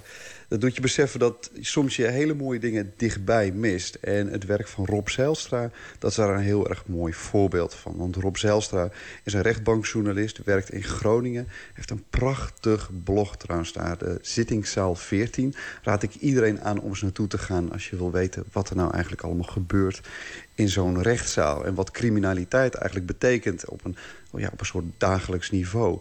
En um, ja, Rob Zelstra heeft daar ook een heel mooi idee over. Er is een documentaire ook over gemaakt. En laten we Rob Zelstra zelf uitleggen wat zijn werk nou eigenlijk behelst. Wat ik altijd zelf een beetje zeg, maar dat, dat kan ook makkelijk vanuit mijn positie hier op de rechtbank in Groningen. We hebben heel veel aandacht voor heel weinig zaken. Zeg maar, de Hollederzaken, ik geloof dat iedere misdaadverslaggever in Amsterdam wel, wel een boek over eh, die kwestie heeft geschreven. Hartstikke mooi. Ik heb, ik heb er een paar ook van gelezen. Geweldig. Maar de aandacht voor de gewone huistuin- en keukenrechtszaak... die wel heel ernstig kan zijn... ja, dat is er niet zoveel. Dat, dat, zie je niet zoveel. En dat vind ik niet goed. En waarom zou je nou alleen maar over die grote zaken gaan schrijven? Het is misschien maar 5% van de misdaad. En die 95%, ja, die laten we denk ik te veel liggen. Ja, daar heeft hij, heeft hij een punt. Een, een rechercheur die ik ooit uh, sprak, die zei... 90% van alle moorden in Nederland is binnen een minuut opgelost... omdat de dader zelf huilend de politie belt... met het bloedende mes nog in zijn handen. Ja, nou, dat, dan zal Rob Zelstra het hartelijk mee eens zijn. En als je dat het blog gaat, zittingszaal 14... dan kom je ook veel van dat soort verhalen tegen. Het verhaal, het drama van Buffalo dat is toch net iets spectaculairder. Eh, zij het nog steeds op die rare kleine schaal. Op het niveau van Buffalo, piepklein dorpje... in het noordelijkste noorden van Groningen. En je noemde het al, in 2011 gebeurde dat. Een van die vele verhalen die dan langskomen... die dan eventjes heftig in het nieuws zijn... en vervolgens weer verdwijnen. En toch, dit, dit was echt een, een drama. Ik uh, kan misschien wel even het begin van dit verhaal ook aanheffen. Dan heb je een idee waarop Zijlstra het over heeft er is iets vreselijks gebeurd. Uh, als je, je hoort dat er is een vrouw doodgeslagen en vervolgens is er een politieagent doodgeschoten. De, de, de verdachte, de dader, is, is vrij snel daarna aangehouden. Uh, ja, en, en, dat is het verhaal. Uh, heel sec, hè? Voor, voor een één berichtje in de krant is dat voldoende. En zeg je, nou, wat vreselijk. En nou, die man moet maar een, een zware straf krijgen. En ja, dan moet je overgaan tot de volgende, tot de volgende zaak. Uh, gaandeweg krijg je meer informatie en dan, dan zie je dat, dat uh, ja, dan krijg je ook informatie over, die, uh, over de verdachte, over alles van is. Een jongen die als 16-jarige in Nederland is gekomen, als alleenstaande minderjarige asielzoeker. in een procedure heeft gezeten die, die bijna tien jaar heeft geduurd. En op de dag dat hij te horen krijgt dat hij definitief Nederland moest verlaten, na tien jaar, ja, een dag later is het, is het misgegaan. Is, er, is het drama van Buffalo ontstaan, zeg maar. Een asielzoeker die getraumatiseerd is, die hier heel lang moet wachten op een, een uitsluitsel over de vraag of hij mag blijven of niet. De dag dat hij hoort dat het is mislukt, dat hij het land moet verlaten, slaan de stoppen door in zijn hoofd. En vermoordt hij ehm, de vrouw waar hij hoogstwaarschijnlijk verliefd op was, zijn vriendinnetje Renske. En heeft later een politieagent. Dus, dus in ieder opzicht een drama. Ja, en als je, als, je, als je ook hoort hoe Rob dat dan uiteindelijk dan verwoordt, hoe dat opent. Ik persoonlijk vind het erg mooi. Ik zal een klein stukje voorlezen uit dat, uit dat verhaal, het drama van Buffalo. Er is iets vreselijks gebeurd. Een doorgaans goed geïnformeerde collega belt en zegt dat er in Buffalo zojuist vijf politieagenten zijn neergeschoten. Dat heeft hij gehoord. Het zou zijn gebeurd vlakbij het station. Nee, nog geen bevestiging. Vijf agenten, dat kan bijna niet. Aan de andere kant, vier dagen eerder zijn er zomaar zes mensen doodgeschoten... in winkelcentrum De Ridderhof in Alfa aan de Rijn. Dat drama, ook al zo moeilijk te bevatten, beheerst dan het nieuws. Het is bijna negen uur s'avonds. Er is voetbal op tv. Champions League. Op een andere zender Midsummer Murders. Buffalo is vanaf mijn huis met de auto maar een paar minuten rijden. Al van verre zie ik de zwaailichten die het dorp aan de spoorlijn Groningen-Rode School... in een zenuwachtige blauwe gloed zetten. Er is daar zo te zien inderdaad iets akeligs gebeurd. En ja, dit verhaal, nou, je moet het gaan lezen. Komende zaterdag komt dat uit. Maar het werk van Rob Zelstra, dat gewoon, gewoon door. Toen ik hem belde, toen was hij ook in de rechtszaal... voor iets heel erg anders. Ik kom net bij een zaak vandaan. Nou, dat is ook weer zo'n zaak. Het is een, eh, een overval op een uh, juwelierszaak in de binnenstad van Groningen. Je moet je voorstellen, een man die uh, met een bivakmuts op zijn hoofd binnenkomt... en, en klokjes eist Ehm, hij was een week eh, daarvoor gestopt met het eh, innemen van zijn medicijnen. Want hij vond dat die medicijnen naar de Filipijnen moesten. En hij had bedacht, als ik nou maar wat geld maak... Eh, dan kan ik de medicijnen daar ook naartoe sturen. Dus ja, de enige oplossing die hij zag was om, om een juwelierszaak te overvallen. hij had geen wapens, dus alleen de bivakmus was al dreigend genoeg... vond de officier van justitie. Nou ja, en dan heb je dus een, een, een overval met geweld op een juwelierszaak. Nou, dat is door een man die, die volledig in de war is. Al dus Rob Zelstra. Heeft een, een long read, een lang artikel gemaakt over het drama van Buffalo. Een reconstructie, literair beschreven, zoals je net al liet horen. Waar verschijnt hij? Waar kunnen we hem lezen, Maarten?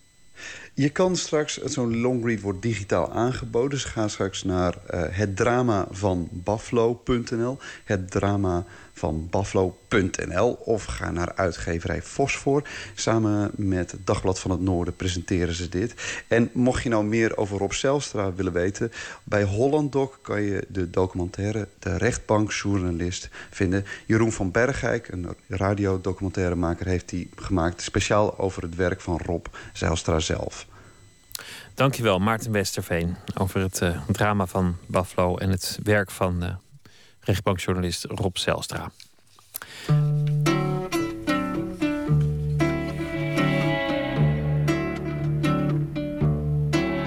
It was the 3rd of June, another sleepy, dusty Delta day.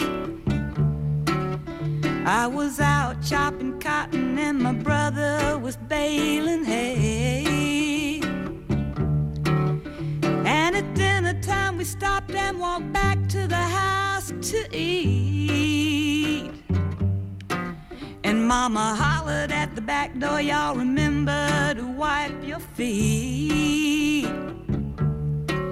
And then she said, I got some news this morning from Choctaw Ridge. Today, Billy Joe McAllister jumped off the Tallahatchie Bridge. Papa said to Mama as he passed around the black eyed peas. Well, Billy Joe never had a lick of sense. Pass the biscuits, please. There's five more acres in the lower 40 I got to plow. Mama said it was a shame about Billy Joe, anyhow. Seems like nothing ever comes to no good up on Choctaw Ridge. And now Billy Joe McAllister's jumped off the Tallahatchie Bridge. Brother said he recollected when he and Tom and Billy Joe put a frog down my back at the Carroll County Picture Show. And wasn't I talking to him after church last Sunday night? I'll have another piece of apple pie. You know it don't seem right. I saw him at the sawmill yesterday on Choctaw Ridge. And now you tell me Billy Joe's jumped off the Tallahatchie Bridge. Mama said to me, child, what's happened to your appetite? I've been cooking all morning and you haven't touched a single bite. That nice young preacher, Brother Taylor, dropped by today. Said he'd be pleased to have dinner on Sunday. Oh, by the way. He said he saw a girl that looked a lot like you up on Choctaw Ridge. And she and Billy Joe was throwing something off the Tallahatchie Bridge. A year has come and gone since we heard the news about Billy Joe. Brother married Becky Thompson, they bought a store in Tupelo. There was a virus going round, Papa caught it and he died last spring. And now Mama doesn't seem to want to do much of anything. And me, I spend a lot of time picking flowers up on Choctaw Ridge drop them into the muddy water off the Tallahatchie Bridge.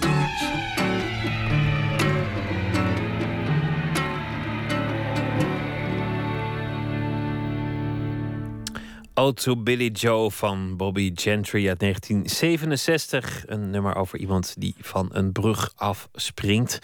Is uh, opgenomen door heel veel zangers. Heeft al een uh, roman opgeleverd, dat liedje. En zelfs een hele speelfilm. Nou, voor welk liedje kan je dat nou uh, nog meer zeggen?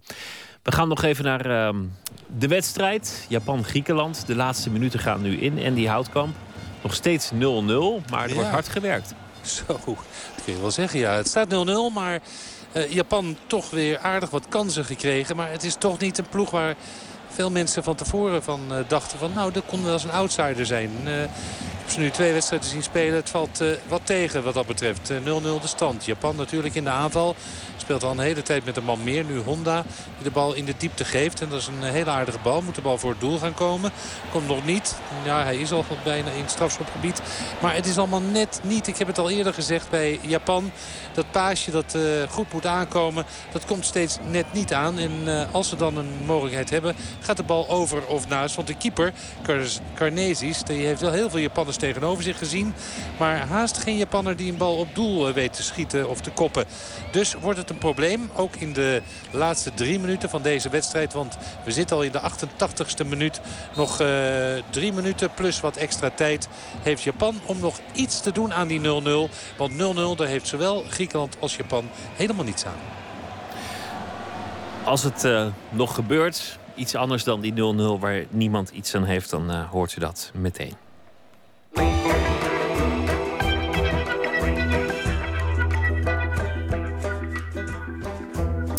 We gaan naar Terschelling, waar het Oerol Festival plaatsvindt deze dagen.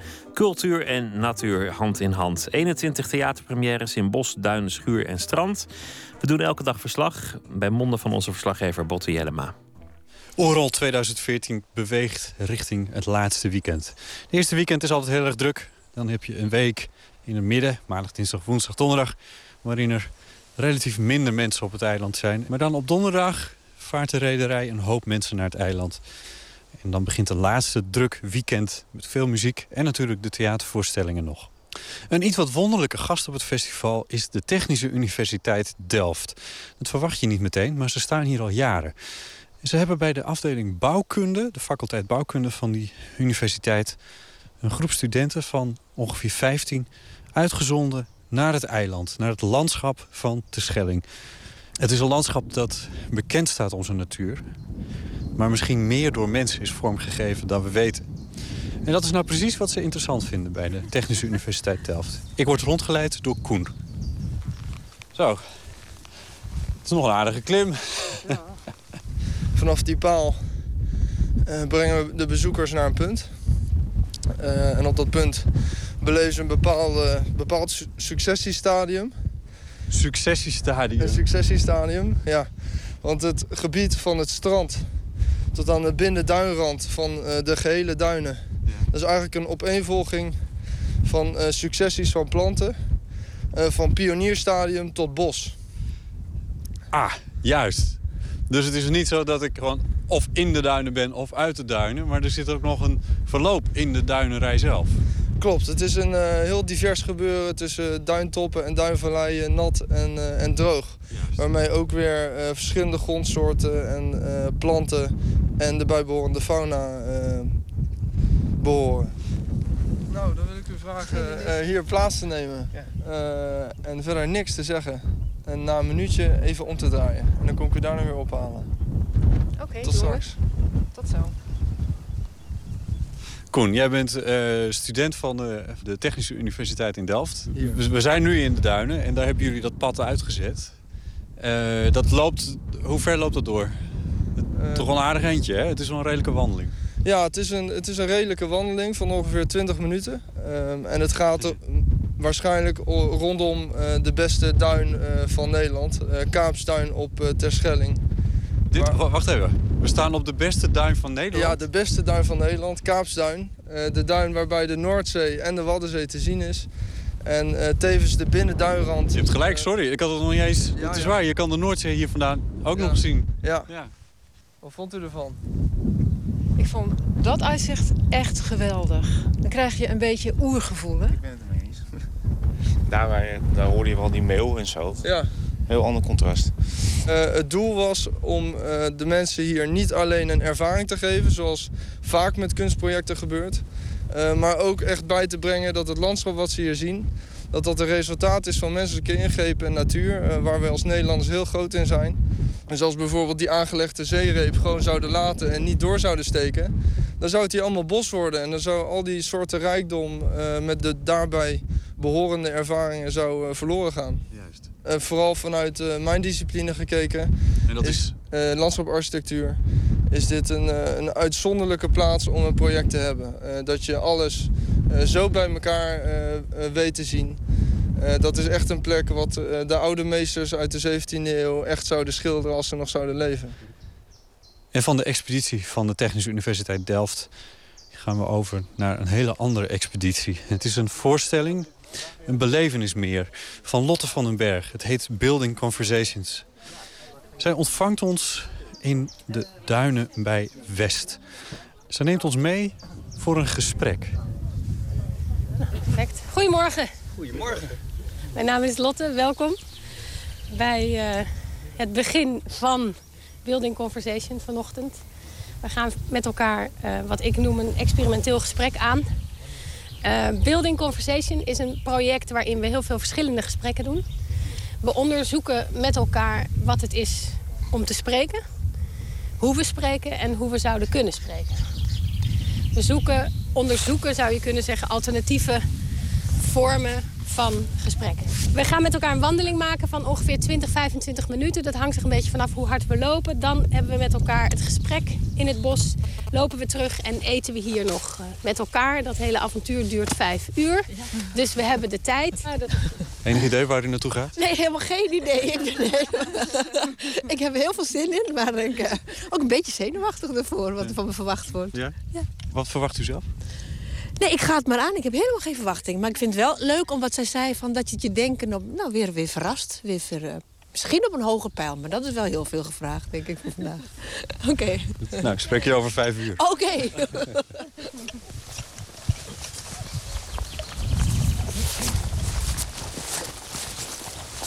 En dan is, het, uh, dan is het tien uur en dan lopen we tien uur s ochtends. En dan, uh, Lotte van den Berg, neem je ons mee de, langs de bossen, duinen, ergens daarlangs. Dan komen we in een uh, open plek in het bos uit uiteindelijk... na een minuut of twintig lopen. om een kleine vijf uur een beetje door te brengen. Ja, inclusief wandeling en eten. We komen daar aan. Het is vandaag wat koud. De wind waait. Er het regende zelfs toen we daar aankwamen. Dus we hebben uh, kachel aangemaakt. Uh, er staat een houtkacheltje in een open hutje. Ja. nou ja, maar goed. Wat best heel geestig is. Ja. En toen hebben we daar ook wat panelen toch neergezet... Uh, om te zorgen dat de, wind niet, de regen niet naar binnen kwam. En daar mocht ik geen opnames bij maken, wat daar nou precies gebeurde. En dat begrijp ik nu, nu we bijna vijf uur later zijn... begrijp ik dat heel goed. Want je gaat een heel intensief groepsgesprek ga je aan waarbij eigenlijk alle elementen die van buiten zouden komen... storend zouden werken. Je moet daar aan meedoen of niet? Een van twee. Ja, elementen die van buiten komen werken niet storend, maar hebben invloed. En als jij daar met deze prachtige witte microfoon uh, voortdurend in het midden van, van het gesprek had gezeten... dan hadden we natuurlijk andere dingen gezegd dan die we nu gezegd hebben. Ja. Um, Vandaag um, zijn we uitgegaan van een theorie van Chantal Mouffe, een hedendaagse denker, een belangrijke denker, politicoloog, filosoof. En uh, zij schrijft eigenlijk over het belang van uh, conflict. Zij is een voorstander van de tegenstand. Mm -hmm. Van dat we tegenstanders kunnen en moeten zijn. Uh, om juist in het politieke debat, maar ook binnen de samenleving, vooruitgang te boeken. Nu zegt ze, is de democratie op sterven na dood. Staan we allemaal vast op onze eigen eilanden. En komen we niet in beweging. Mm Omdat we bang zijn voor conflicten? Nou ja, ik weet niet of zij, zij noemt het geen angst, denk ik, maar we gaan ze uit de weg. Dus zij zegt, uh, de democratie is op dit moment consensuszoekend. En daardoor eigenlijk per definitie conflictvermijdend. En, en ik vind dat heel sterk. Uh, vanuit de politiek gezien, maar ook uh, wat ik nu meemaak in het doen van al deze gesprekken. Ik zie ook dat mensen die neiging hebben. Dus dat er geneigd wordt om te nuanceren, om af te zwakken. Uh, om, op het moment dat iemand een tegenstelling poneert, is er altijd iemand anders in de groep die zegt: Nou, maar als je het van die kant bekijkt, zijn jullie toch eigenlijk gewoon met elkaar eens. En heel snel wordt dan gezegd: Ja, ja, nou, dat is misschien ook wel zo. Of we, we leggen ons zo neer bij het feit: Oké, zo zie jij het, zo zie ik het. Nou, we gaan met elkaar in gesprek en dan gaan we weer naar huis. En dan zeggen we, nou, zo zie jij het en zo zie ik het. En dan denk je, oké, wat is dan het belang van dat gesprek? Dus... Even handen en voeten. Um, ja. Dus een man of 12, 13, 14 uh, in, in dat uh, huisje. Ja. En je vraagt dan, we gaan zoeken naar een conflict binnen deze groep. Er werd nog even geopperd man-vrouw, jong-oud. En uiteindelijk kwam het uit bij uh, een het ging erom dat zes stuks van de groep uh, de stelling hielden van... Uh, we worden alleen geboren, we gaan alleen dood. En uh, we staan alleen in de wereld, we moeten onszelf redden. Relatief egoïstisch, zo je wil.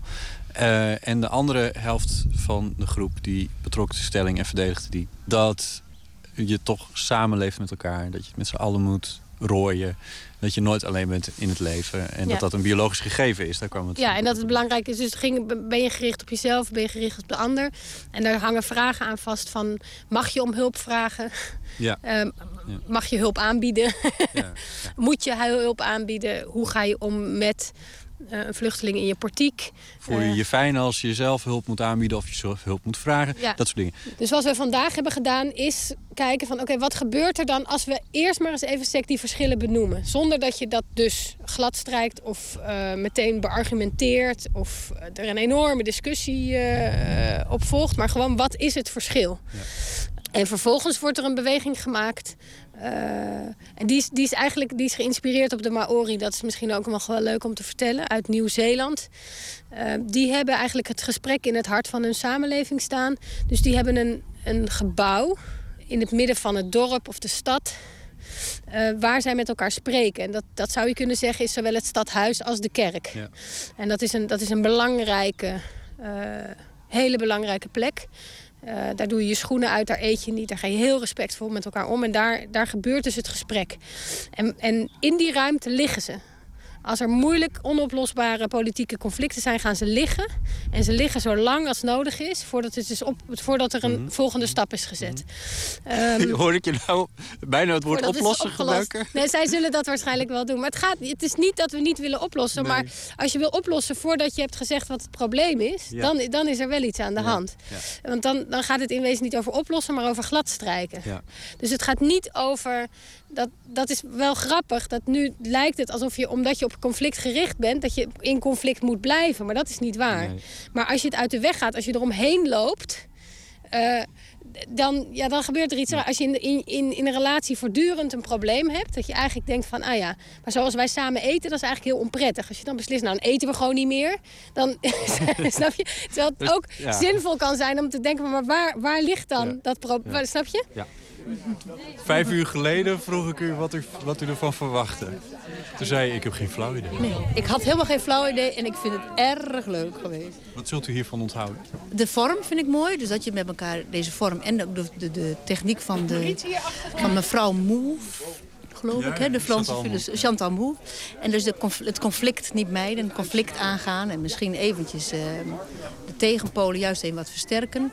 En daarna dat het de conflicten mag zijn om tot een, eh, juist tot een mooi creatief proces te gaan. Dat ga ik ervan onthouden. Wat David Bohm zegt, dat is een kwantumfysicus... van wie wij ook een gespreksvorm eh, gebruiken. We onderhouden alles. Onze auto krijgt een APK. eh, we verven het huis. we sporten. We zorgen dat we goed eten. Maar ons denken en ons spreken onderhouden we eigenlijk nauwelijks. We doen het voortdurend, de hele dag. Maar we zijn ons niet bewust van het feit dat we het op heel veel verschillende manieren kunnen doen. Ja. En Het was grappig, want we liepen net terug en dan heb je het er nog even over. En toen zei iemand, 80, 90 procent van onze communicatie is non-verbaal. Hoe doe je dat dan als je geen woorden gebruikt? Toen zei iemand, ja, je zou bijvoorbeeld kunnen, kunnen dansen. En toen zei die ander, ja, maar daar is mijn techniek, danstechniek toch echt niet goed genoeg voor. Toen dacht ik, ja, maar je hebt ook gesprekstechniek. Ja, je hebt gesprekstechniek. En eigenlijk hebben wij vandaag een gesprekstechniek van de Maori geleend. Geïnspireerd door Chantal Mouffe, die reageert op de, hele, op de situatie nu. Dansen met woorden. Dansen met woorden, prachtig, ja. Dansen met woorden, bouwen met woorden. eh, eh, met woorden beweeg je wel naar elkaar toe en van elkaar af. Dus die, die, die, dat is een mooie, dansen met woorden. Ja, en zoals we weten, er zijn verschillende muziekstijlen en verschillende dansen. Zo zijn er ook heel veel verschillende, spreekste of verschillende gesprekstechnieken. En dus voor mij heeft denken wel met bewegelijkheid te maken. Dat vind ik daarom ook wel die vergelijking met het dansen mooi. Ja, Building conversations. yes. Lotte van den Bergen over de voorstelling Building Conversation. Een verslag van Botte Jellema vanaf het Oerol Festival op Terschelling. Japan-Griekenland is eh, 0-0 gebleven. Dus eh, daar heeft eh, niemand wat aan, zoals Andy Houtkamp eh, terecht opmerkte. Dit was Nooit meer slapen voor vannacht. Eh, morgen zijn we er weer en eh, graag tot dan. Zometeen op deze zender, De Nachtzuster.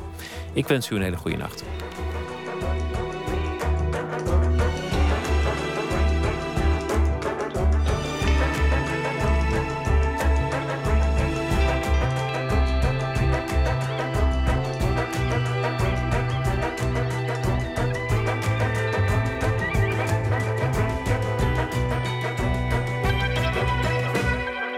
Radio 1, het nieuws van alle kanten.